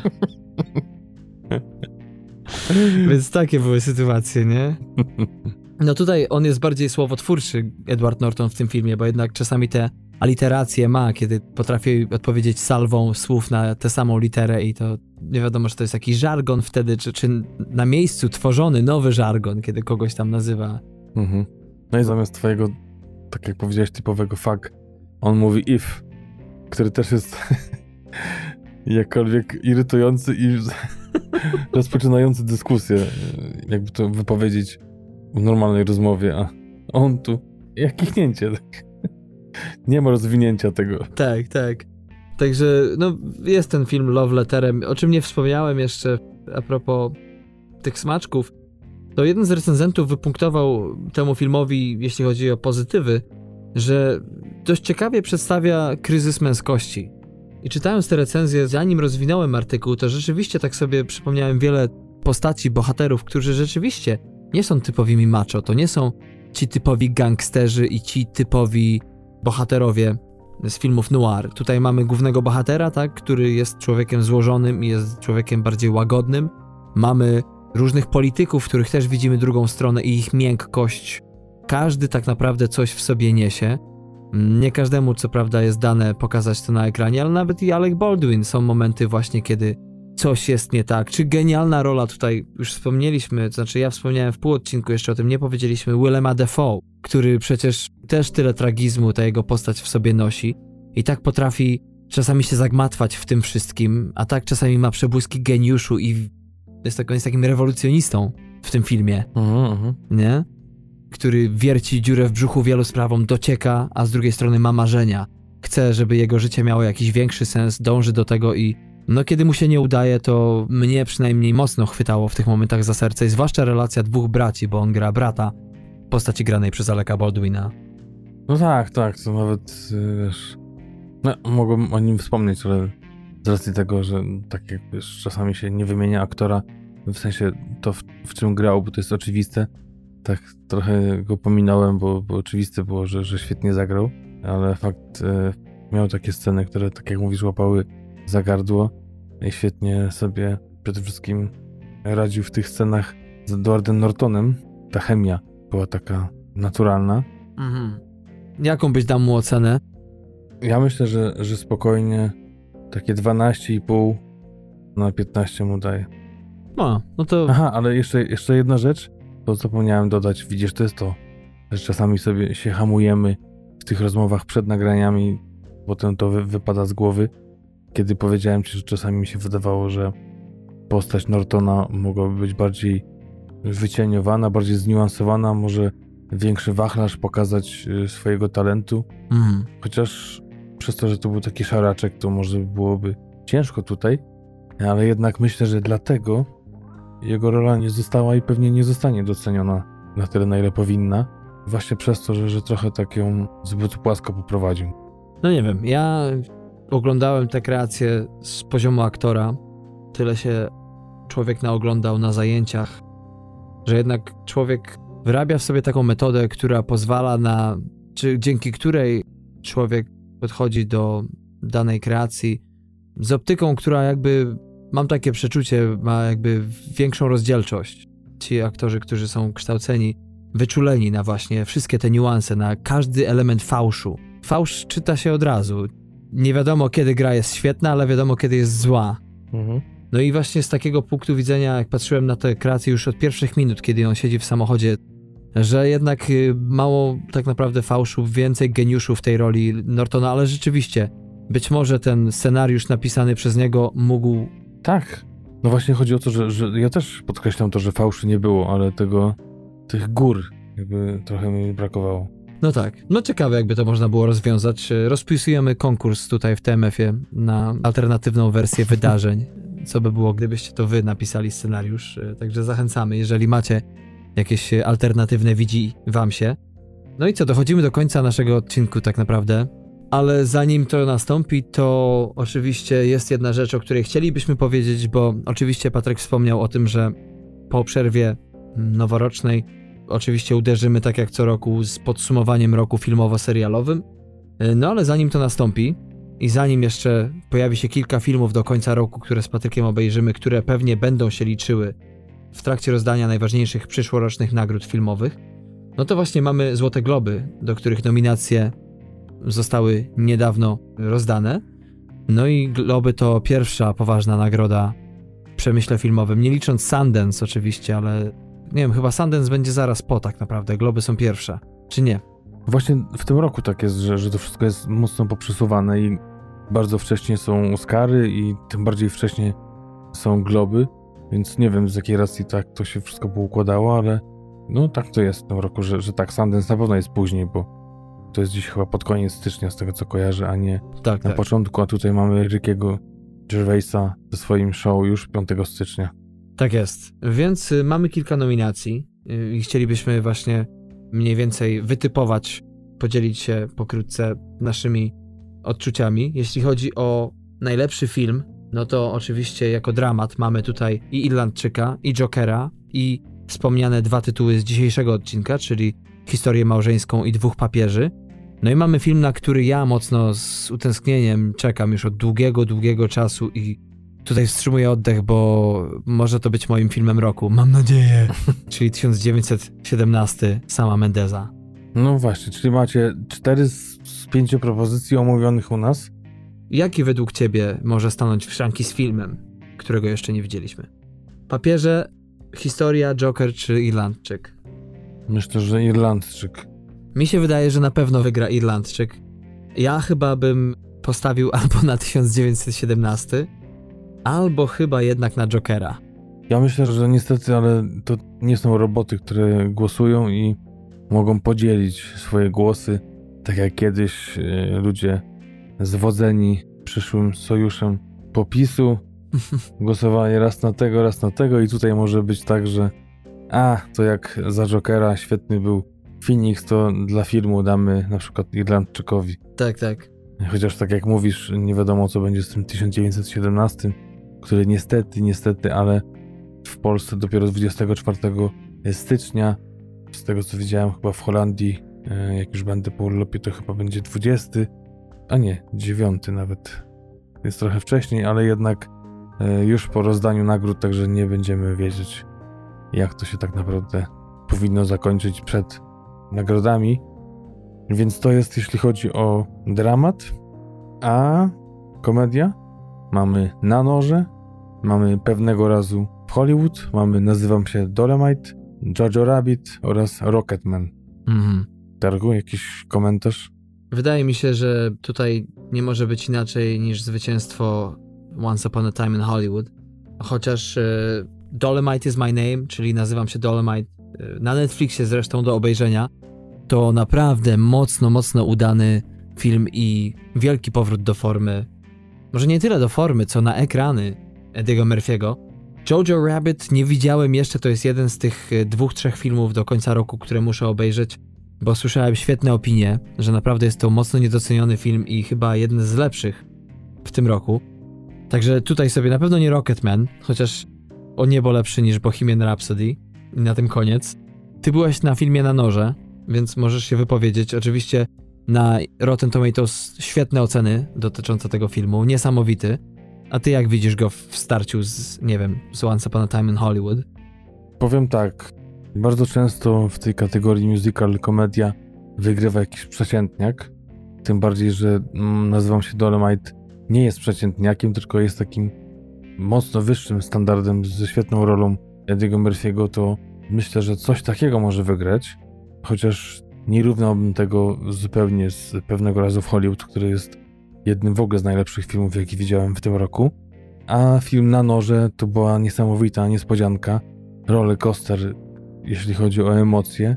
Bawiłem się przednio, jak dawno, nigdy na, na żadnej komedii kryminalnej. Świetne role, świetne twisty, jak już pod koniec byłem pewien, że no nie, no tak, to tak, to, to ja już wychodzę. Co? I nie, tak? Jeszcze coś innego? Je... Nie. Ej. To po prostu było tyle twistów na koniec, gdzie ja już byłem pewien wcześniej, że ja już znam rozwiązanie. Przynajmniej trzy od tego momentu, że ja mówię, a, to już to prostolinijnie pójdzie. I takie zaskoczenia. Świetne role i też zresztą niesamowita obsada była, więc ciężko tutaj spodziewać się jakichś słabych performance'ów. A moim zdaniem coraz lepiej sobie radzi na polu aktorskim Don Johnson. Z każdym rokiem od chyba Django coraz bardziej rośnie w górę i naprawdę, naprawdę Watchmen to też jest jego popis. I tutaj też świetnie sobie radzi i też nie ma co wymieniać, ale Daniel Craig oczywiście i wielu, wielu, wielu innych y, aktorów, którzy sobie naprawdę radzą. To też jest bardzo poważna konkurencja dla reszty. Jojo Rabbit nie widziałem, też mam zamiar to obejrzeć. Rocketmana nie widziałem, ale chyba już sobie podaruję. Mhm. Chyba, że Darek... Nie, posłuchaj po prostu mojego bonusa i Aha. wystarczy. No to już słuchałem. No nie jest złym filmem, ale jest to film, który jest tak przesłodzoną wersją z jednej strony, tylko że to jest Elton John, zupełnie inne perypetie niż Freddie Mercury, ale przynajmniej tu w tym filmie mamy naprawdę fajnie zaaranżowane momenty musicalowe niczym teledyski co chwilę. Mhm. No ale jeśli chodzi o taką prawdę, wiesz, płynącą z ekranu i to wszystko jest jednak pisane tak, jakby nad Eltonem Johnem stało naprawdę stado doradców, którzy chcieliby po prostu tak wypolerować tylko jego postać i tak prosto wytłumaczyć ludziom, co się po kolei działo, że no to na tym nie polega dobra biografia nie na tym, żeby rzucić jedno słowo, które się zgrywa dosłownie z tym, co się dzieje i taka tautologia powstaje w tym filmie, która jednak nie kłuje tak jak w filmie, którego już nazwy za dużo wymieniłem i w tym i w tamtym roku. Dziękuję. Yy, Okej. Okay. Animacja. Co ciekawe, tak patrzę sobie po tych tytułach. Król Lew, czyli remake, mhm. A potem mamy tak, drugą część Krainy Lodu, trzecią część Jak wytresować smoka i czwartą część Toy Story. I Praziomek, jedyny oryginalny film. Tak. Jak wytresować Smoka i The Lion King, tutaj kciuki w dół dla obu produkcji. Frozen 2, wszyscy się zachwycają, nie widziałem, to też jest jeden z tych filmów. Ziomka też nie widziałem, jeszcze niestety. Póki co dla mnie Toy Story 4 to jest, tak jak powiedziałem, nowa jakość, wyprowadzenie serii, która wydaje się, że już powinna była być zakończona, której już nic nie da się wycisnąć na zupełnie nowy poziom po którym już wydaje się, że nie ma piątego. Mhm. Tylko i wypada kibicować Krainie Lodu 2, żeby jednak okazała się tym, o czym mówią moi amerykańscy znajomi. Ja powiem tak, nie widziałem z tego nic, ale z racji tego, że Praziomek to jest jedna oryginalna propozycja, to daję mój głos na to. To historii mam nadzieję jeszcze obejrzeć w tym roku. Króla Lwa w całości nie ruszę. Fragmentami odbijało mi się i, i zwracało, więc nie ma mowy. A na krainę lodu myślę, że jeszcze jak póki jestem w Polsce, to może wybiorę się z córeczką, bo ostatnio się zakochała właśnie w pierwszej części, obejrzała jeden z pierwszych filmów, który widziała pełnometrażowe i zakochana jest e, oczywiście w Elsie, więc może pójdziemy na drugą część do kina i zobaczę. Film nieanglojęzyczny, Tutaj powiem ci szczerze, że chyba bym jednak się z. Chociaż nie widziałem tego, który ty widziałeś, czyli Portret kobiety w ogniu.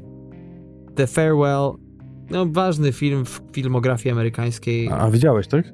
Tak, tak. Ale jednak y, to nie chyba ten film, który jest w stanie wstanąć w szranki. No Parasite y, ewentualnie, bo to jest faworyt wszystkich i w Oscarach pewnie będzie wysoko, pewnie zgarnie nagrodę. Tak, chociaż Holender wie, może, może jednak portret kobiety w ogniu. E, więc może tu się coś urodzić. E, tak mi się wydaje między tymi. Pain and Glory nie. Mimo całkiem niezłej roli Antonio Banderasa, podoba mi się kierunek, w którym idzie ten aktor. To jednak tutaj troszeczkę brakuje chyba temu filmowi. Jest sporo tej niepisanej biografii Almodovara w tym filmie, ale chyba Parasite albo ten portret, na który też się wybieram. Ja Parasite widziałem, Ból i Blask widziałem i Portret kobiety w ogniu. Z tych trzech jak najbardziej Portret kobiety w ogniu, ale jest to dość mały film, dość kameralny. Nie wiem, czy przypadnie do gustu Foreign Press amerykańskiej. Pewnie wygra ten Parasite. Kłamstewka nie widziałem, nędzników tym bardziej. Także to tyle. Kończąc te nasze przekomarzenia na temat globów, to chciałbym jeszcze tylko zahaczyć o najlepszy serial telewizyjny, musical i komedię, bo tutaj jest naprawdę napakowana kategoria chyba najbardziej, bo mamy Fleabag, o którym była mowa, mamy Marvelous Mrs. Maisel, mamy Barego, Komiński Method, Politician, który coś czuję, że będzie wysoko stał, bo to jest typowo amerykański temat, e, typowo amerykańskie podejście. No tutaj dla mnie jest rozgrywka tylko między Barrym a Fleabag i moim zdaniem nie podjąłbym się tutaj oceny, bo będzie mi szkoda, jeżeli wygra Barry Fleabaga, którego drugi sezon był po prostu genialny, a Barrego sezon był jeszcze lepszy niż poprzedni. Ja, tak jak wiesz, zacząłem, nawet chciałem wziąć na pół odcinek wybory Peytona Hobarta, jak to przetłumaczono serial The Politician. I niestety, no, jeden z gorszych rzeczy, które się przytrafiły mi do oglądania w tym roku. Fleabag jest dla mnie rzeczą genialną, ten drugi sezon i chociaż nie oglądałem tej reszty, to myślę, że tutaj nic tego nie przebije, więc Fleabag.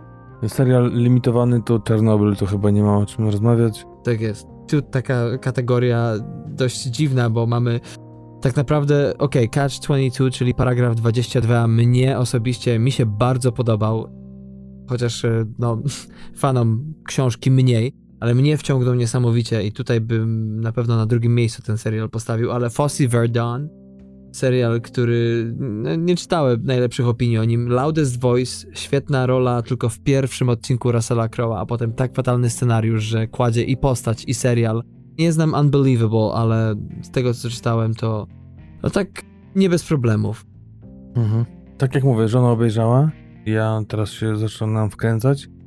Jestem po trzecim odcinku, jest nieźle, ale jednak to w ogóle nie ma, ten, nie ma zbliżenia się chociaż na mile do Czarnobyla, więc tutaj tą, tą kategorię nawet fajnie, że coś jest nominowane oprócz Czarnobyla, ale to bardzo mnie to nie interesuje. Mhm. I, I telewizyjny serial dramatyczny mamy Obsesję Eve, Sukcesję, The Morning Show, The Crown i Wielkie Kłamstewka sezon drugi.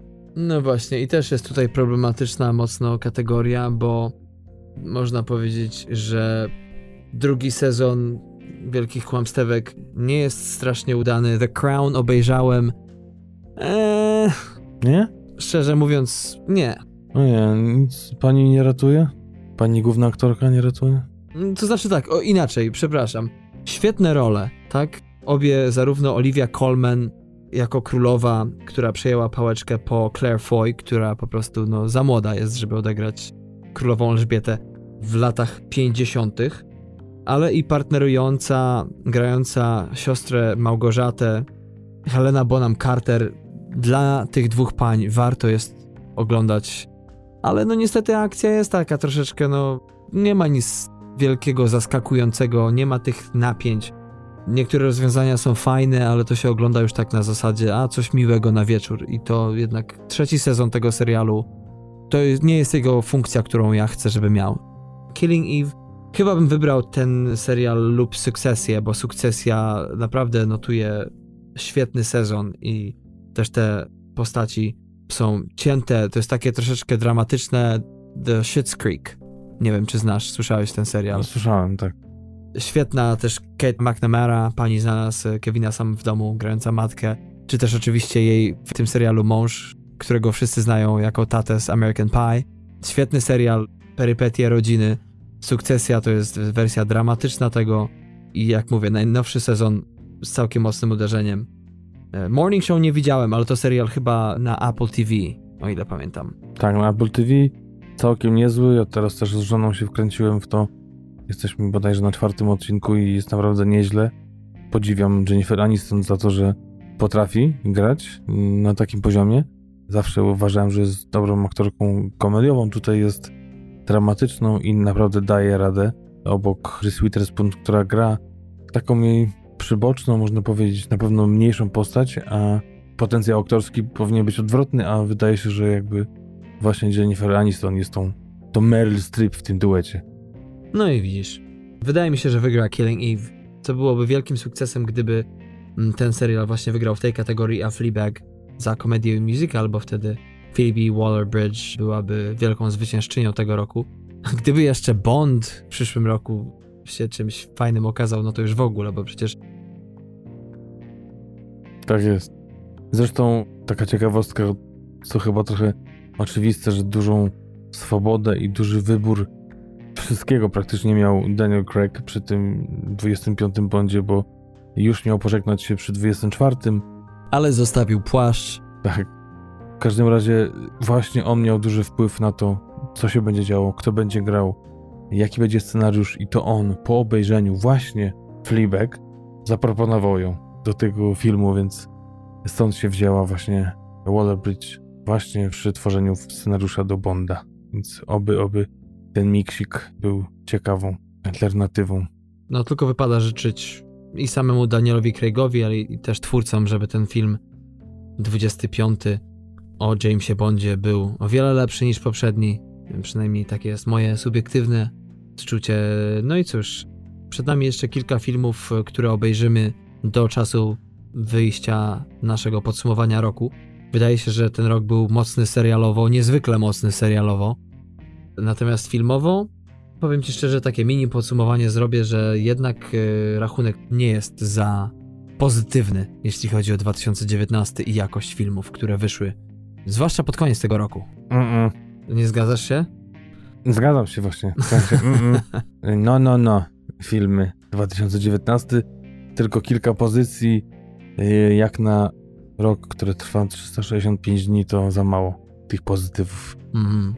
No, 5-6 filmów, które zrobiły wrażenie, to za mało.